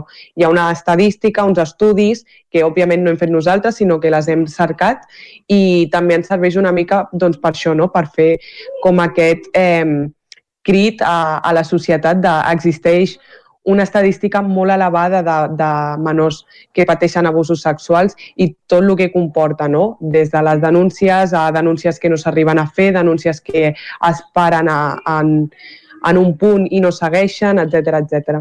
Que no sé si ens podeu explicar una, una miqueta en què ha consistit, eh, parlàveu d'una campanya inicial des de la pàgina 1 de cada cinc. Uh, no sé si ens podeu explicar una miqueta en què ha consistit aquesta, aquesta campanya. Val. Doncs, Carme, doncs, aquesta campanya ens agradaria o sigui, que, que pogués ser un, una plataforma on tant, no només les víctimes, sinó les famílies, els amics, les parelles, eh, puguin explicar com se senten no? amb, aquesta, amb aquest problema, perquè al final crec que, que l'entorn de la víctima també té dret a, a poder explicar-se i té dret de poder uh, sentir-se també dintre del procés. No? I, i bueno, jo també me n'he donat amb la Mònica no? i amb la Fàtima, que hem estat parlant molt de dir eh, no és només la nostra veu, no? ojalà doncs, també a, a aquesta campanya doncs, puguem, puguem transmetre no? com se sent doncs, una parella o, o el que sigui, no? i penso que, que és molt important. Això amb, amb el, que, el, que, el que ens agradaria fer a les xarxes socials, no? de donar veu a les famílies o amics. Uh, per això m'ho preguntar també, no? Pel, el, en el vostre entorn, d'alguna manera, en el moment en el que heu decidit uh, exposar les vostres històries, tothom s'ha sabut uh, col·locar. Imagino que no és senzill, com deies, a vegades els mateixos familiars també necessiten parlar del tema. No sé en el vostre cas de quina és la situació. ho han pogut resoldre d'alguna manera. Digues, Digues, Carme. No, Sí, no, sí. Fàtima, Fàtima, digues, digues. Ah. Parlaves una mica, o sigui, ens preguntaves sobre una mica la situació de la nostra família, com ho va patir. Exactament. Vale. O sigui, una mica, d'alguna manera, la, la Carme ens feia reflexionar sobre que a vegades també cal crear un espai on les famílies o les parelles també puguin compartir, perquè d'alguna manera Mhm. suposo que és una, una informació que, que ve que a nivell familiar i a nivell unitat doncs, s'ha de gestionar també. No sé en el vostre cas, el vostre entorn d'alguna manera com ho va rebre. Totalment. Eh, de fet, nosaltres com a, com a minicampanya, com a, com a un de cada cinc, no? com la, les tres, sempre fem, eh, tractem bastant el tema de, del nostre entorn, de com afecta. No? Nosaltres som les víctimes i supervivents d'abusos sexuals, però evidentment eh, quan jo li explico a la meva mare hi ha un xoc, hi ha un moment de crisis familiar a nivell de no se sap com actuar, eh, s'actua però no hi ha recursos per, per ajudar, no? Eh, també comentaves el tema de, de les parelles, no? Al final queden com tot el, el teu entorn doncs, esquitxat una mica del que et passa a tu. I és totalment normal, no? Des de les coses bones quan passen eh, la teva família se n'alegra, doncs quan passen coses dolentes, doncs totalment el mateix. Llavors, eh, sí que és veritat que nosaltres eh, fem bastant esment a, a com ho pateixen les persones que, en- que ens envolten i també volem com eh, reivindicar una mica la, la poca ajuda que té aquesta gent, no? sobretot la gent familiar, la gent amb la que vius, amb la que convius, com ja puguin ser, ja puguin ser perdó, mares i pares o, o parelles. Llavors, al final, eh, no només nosaltres tenim una lluita, sinó que el nostre entorn també té una lluita constant. Uh, avui ha sigut heu fet aquesta concentració. És un dia... Carme, perdona, digues. No, jo volia dir que en, en, eh, en el procés de quan jo vaig dir, per exemple, la meva mare i el meu pare s'han sentit molt sols, perquè ells no... O sigui, han, han pogut parlar amb la família o amb el que sigui, però sí que és veritat que eh, doncs a fora han trobat molt a faltar ajuda, no? Com deia la Fàtima, ajuda d'altres pares, d'altres... O sigui, no hi ha una associació de pares, de víctimes, de, saps, de supervivents d'abús sexual. Ojalà, saps? Llavors crec que és molt important això, perquè al final és el benestar de tots, perquè si la víctima no està bé, és que és totalment normal que la família tampoc estigui bé, no? Uh -huh. I, I crec que també una de les coses que demanem i que sempre denunciem, no?, de que se'ns escolti a tots, saps? A tots, i que les ajudes um, psicològiques i les ajudes um, terapèutiques siguin per tots. Això us anava a preguntar, la, la, existeixen ajudes en aquest sentit? Vosaltres heu pogut rebre algun tipus d'ajuda o seguiment en el moment que heu decidit eh, explicar-ho? O d'alguna manera és una cosa molt... Bé, com, com ja ha passat, sembla que ja t'has de, de fer. Existeix un seguiment públic a nivell d'administració, institucions? Mm, en el meu cas, jo sí que vaig, vaig anar al psicòleg durant sis anys i que em va anar molt bé. De fet, jo no hi volia anar. O sigui, estava sempre deia no, no vull, no vull, no vull. Però, però la, la Carme, que és la meva padrina i la pers primera persona que, que es va enterar que m'havien abusat, doncs ella, el primer impuls va ser a portar-me a, un, a un centre i, i, i bueno, perquè pogués tractar i pogués adonar-me de que, de que sí o sí havia de sortir d'aquest pou, perquè si no, malament. I, I de fet estic molt orgullosa perquè sé que si no hagués sigut per aquesta ajuda psicològica jo a dia d'avui no estaria aquí. Segurament que no estaria aquí. Perquè jo, aquella nena de 18 anys que va entrar a teràpia, no té res a veure amb la que sóc a dia d'avui. Fàtima, en el teu cas, que potser ha sigut més recent, no sé si has ob- obtingut ajuda d'algun tipus, te l'has buscat per la teva part o a nivell institucional hi ha un recolzament en aquest sentit? Jo, el, el meu cas és totalment diferent al de la Carme. Jo em vaig trobar en, en un moment en el que ja portava doncs, molts anys de la meva vida en silenci i la veritat és que vaig, eh, sí que se'm va recomanar a fer doncs, un seguiment, una teràpia, però sí que és veritat que econòmicament no m'ho podia permetre. Tant jo com a Fàtima, persona que portava doncs, X anys treballant com a, a nivell familiar. Llavors sí que és veritat que a partir d'això em vaig desmotivar i, i sempre ho diré, no? la meva miniteràpia ha sigut pues, pues, en, el, la campanya, no? el, el, el tenir el recolzament de la Carme i de la Mònica, però sí que és veritat que el, en el meu cas jo no vaig poder fer eh, aquesta teràpia, aquest seguiment pel tema econòmic. Entenc per això que a nivell públic no existeix eh, un tipus de, de recolzament en aquest sentit, no existeix cap servei, ho desconec si existeix algun servei eh, de, de suport a les persones que han passat per aquest tipus d'abusos? O sigui, on, on jo vaig anar eh, va ser Vicky Bernadet, que és l'associació, bueno, de fet és la, com la pionera de, de Catalunya, o sigui, la, la top, i, i clar, al principi sí que jo havia de pagar perquè, bueno, doncs és una associació privada i, i, i bueno, sí o sí. Però llavors jo vaig demanar una subvenció i a partir d'aquí doncs va ser gratuït. Però bueno, jo crec que, que igualment tot el, o sigui, el tema de l'abús mm, és que no hauríem d'invertir ni un euro per, per, per tenir atenció psicològica. Ja prou hem tingut amb totes les nostres experiències que a sobre, no? Que, bueno, per això crec que també és una de les coses que demanem, no? De que tot, si, tot passi per, per, per al sistema mèdic, per, per, bueno, perquè no pogués, no sé, perquè no tinguem que, que pagar i, no, i que, que això ha de ser públic sí o sí. És que si no, no sé, no, no hi ha una cura, diguem, saps, la societat, crec. Uh, precisament entenc que deies no, que és una de les coses que reclamàveu. Uh, és el moment, expliqueu-nos d'alguna manera què, què és el que reclameu en aquest sentit, quines mesures més concretes considereu que no està fent correctament la Generalitat de Catalunya. Doncs hi ha bastantes coses que, que reivindiquem i que en el dia d'avui hem intentat doncs, eh, reivindicar, no? com des del, des del que estàvem parlant ara mateix, des de les ajudes eh, i els seguiments que poden fer, que sí que és veritat que existeixen, però eh, sí que és veritat que com en el meu cas, per exemple, que no m'ho vaig poder permetre econòmicament, doncs a nivell educatiu, a nivell jurídic, o sigui, al final reivindiquem com un conjunt de coses que fan que existeixi aquesta problemàtica i que al final eh, existeixi un silenci i un eh, victimitzar a les víctimes. No?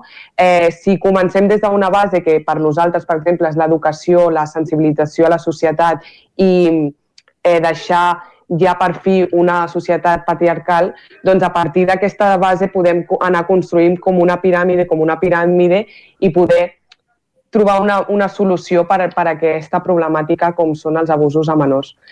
Però sí que és veritat que, bueno, no sé si t'he respost més o menys el que ens estaves preguntant, és que hem volgut, al final hem volgut reivindicar com un munt de coses que creiem que són molt base i que aquesta base està fallant. Llavors no podem construir una piràmide amb, una, amb la finalitat que volem.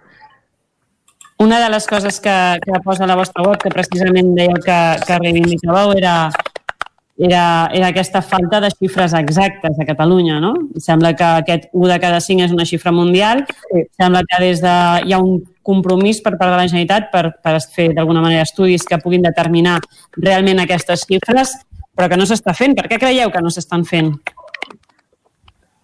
perquè jo crec que no s'està escoltant els infants i que hi ha uh, el, el, tot el, el circuit que ha de passar un nen a l'hora d'explicar-ho és, um, o sigui, se sent molt victimitzat i al final el que fa és o no denunciar o, o, o dir que no ha passat, o sigui, que no ha passat res, no? I, i penso perquè, bueno, jo m'he trobat amb casos de menors que, que han contactat uh, amb nosaltres o que m'han explicat experiències d'haver-ho explicat a l'àmbit escolar i adonar-se que, que estan molt sols, que, que la professora, per exemple, ha canviat d'actitud, no? I penso que, que també és això, que, que al final no acaben d'arribar les denúncies i que si algú denuncia també se'l victimitza, també tal, i a vegades, molt, bueno, a vegades no, set de cada deu denúncies es retiren. Com pot ser això? Saps? O sigui, això vol dir que no s'està tractant bé el tema i que no s'està donant la importància que, que realment cal no? No sé, jo, jo ho veig així. 7 de cada denúncia, 7 de cada 10 denúncies retirades són moltes denúncies, vol dir que hi ha d'alguna manera aquesta intenció, però és evident que existeix una, una por, no?, quan es posa la denúncia però de seguida es retira. Sí, és evident. Mira, quan jo vaig denunciar, eh, primer de tot em van ficar la por de si, si el, el delicte que havia fet aquest home estava prescrit o no. Tu imagina't, estar anys anys i anys callada i en el moment que decideixes anar a comissaria, explicar-ho, eh, explicar tots els detalls, que ja és molt, molt, molt dolorós, no? que et diguin que possiblement no, no tiraria endavant perquè no, sabia si, no sabien si havia prescrit o no el delicte. O sigui, tu imagina l'angoixa que vaig haver de passar durant mesos perquè em, digués, em diguessin alguna cosa. No? A més a més, eh, vaig passar proves psicològiques dintre del procés. Aquest home en cap moment va passar proves psicològiques, la vaig haver de passar jo. O sigui, crec que, que és constantment un, o sigui, constantment t'estan victimitzant i, i et fan sentir vulnerable i et fan sentir que, que, que no tens la veritat, que, que estàs mentint, no? I si no ets suficientment forta, és que tu, acaben, tu mateixa acabes, acabes dient, mira, paro, fins aquí, no? Igual que els menors, si els menors doncs, denuncien, se'ls fa declarar moltes vegades estan declarant que constantment o a la policia o al doctor o al no sé què i és normal que al final el nen es cansi i digui és que no ha passat nada, era mentira, no? Perquè no vol sentir-se una altra vegada explicant la història traumàtica que ha passat, no? I això ho hem de tenir molt en compte, no? Per això també, dintre del que denunciem, és la única, o sigui, que s'ha de denunciar o s'ha de declarar una vegada. O sigui, un menor és que no pot declarar cinc per vegades. No pot ser això. O sigui, crec que, que hem de començar a, a canviar tots aquests mètodes. Carme, Fàtima, uh, impressionant el vostre testimoni. Moltíssimes gràcies per, per haver compartit amb, amb nosaltres la vostra experiència i sobretot moltíssimes gràcies per aquest moviment que esteu començant perquè bé, penso que és de vital importància que algú doni passes en aquest sentit. Gràcies a vosaltres altres. Companys, us torno al relleu directe cap a Vic i només recordar-vos que dijous vinent tornarem a ser aquí amb un nou tema i un nou racó de pensar. Doncs moltes gràcies, Maria, per acostar-nos un nou racó de pensar. Com sempre, els dijous a Territori 17 tenim el racó de pensar. Ara ja som a la traca final del programa d'avui, un programa que avui hem parlat i molt del Ripollès, perquè hem tingut el president del Consell Comarcal aquí a Territori 17. Uh, hem après això és molt important, a felicitar com Déu mana o qui sigui el personal, res de felicitats, si podem, optem pel, per molts anys. O... Si és l'aniversari. Correcte, però si és el sant també, eh? Per mm -hmm. molts anys s'hi val sempre. I molts d'anys i bons també ens ha quedat clar a la Cristina, que és molt genuí i que ens el podem apuntar. Per tant, com sempre, cada 15 dies, eh, entre tots plegats, eh, intentem parlar una mica millor el català. També hem descobert alguns racons del Vallès Occidental, com fem sempre, hem passat per la R3 i hem acabat, com sempre, els dijous amb el racó de pensar. I ara, com que ja som a la traca final, el que ens toca, Vicenç, és acomiadar-nos. Exacte.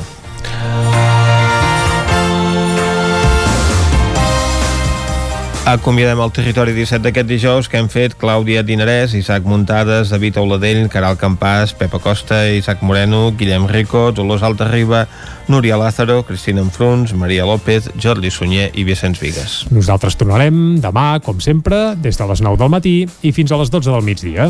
Adeu. Que vagi molt bé.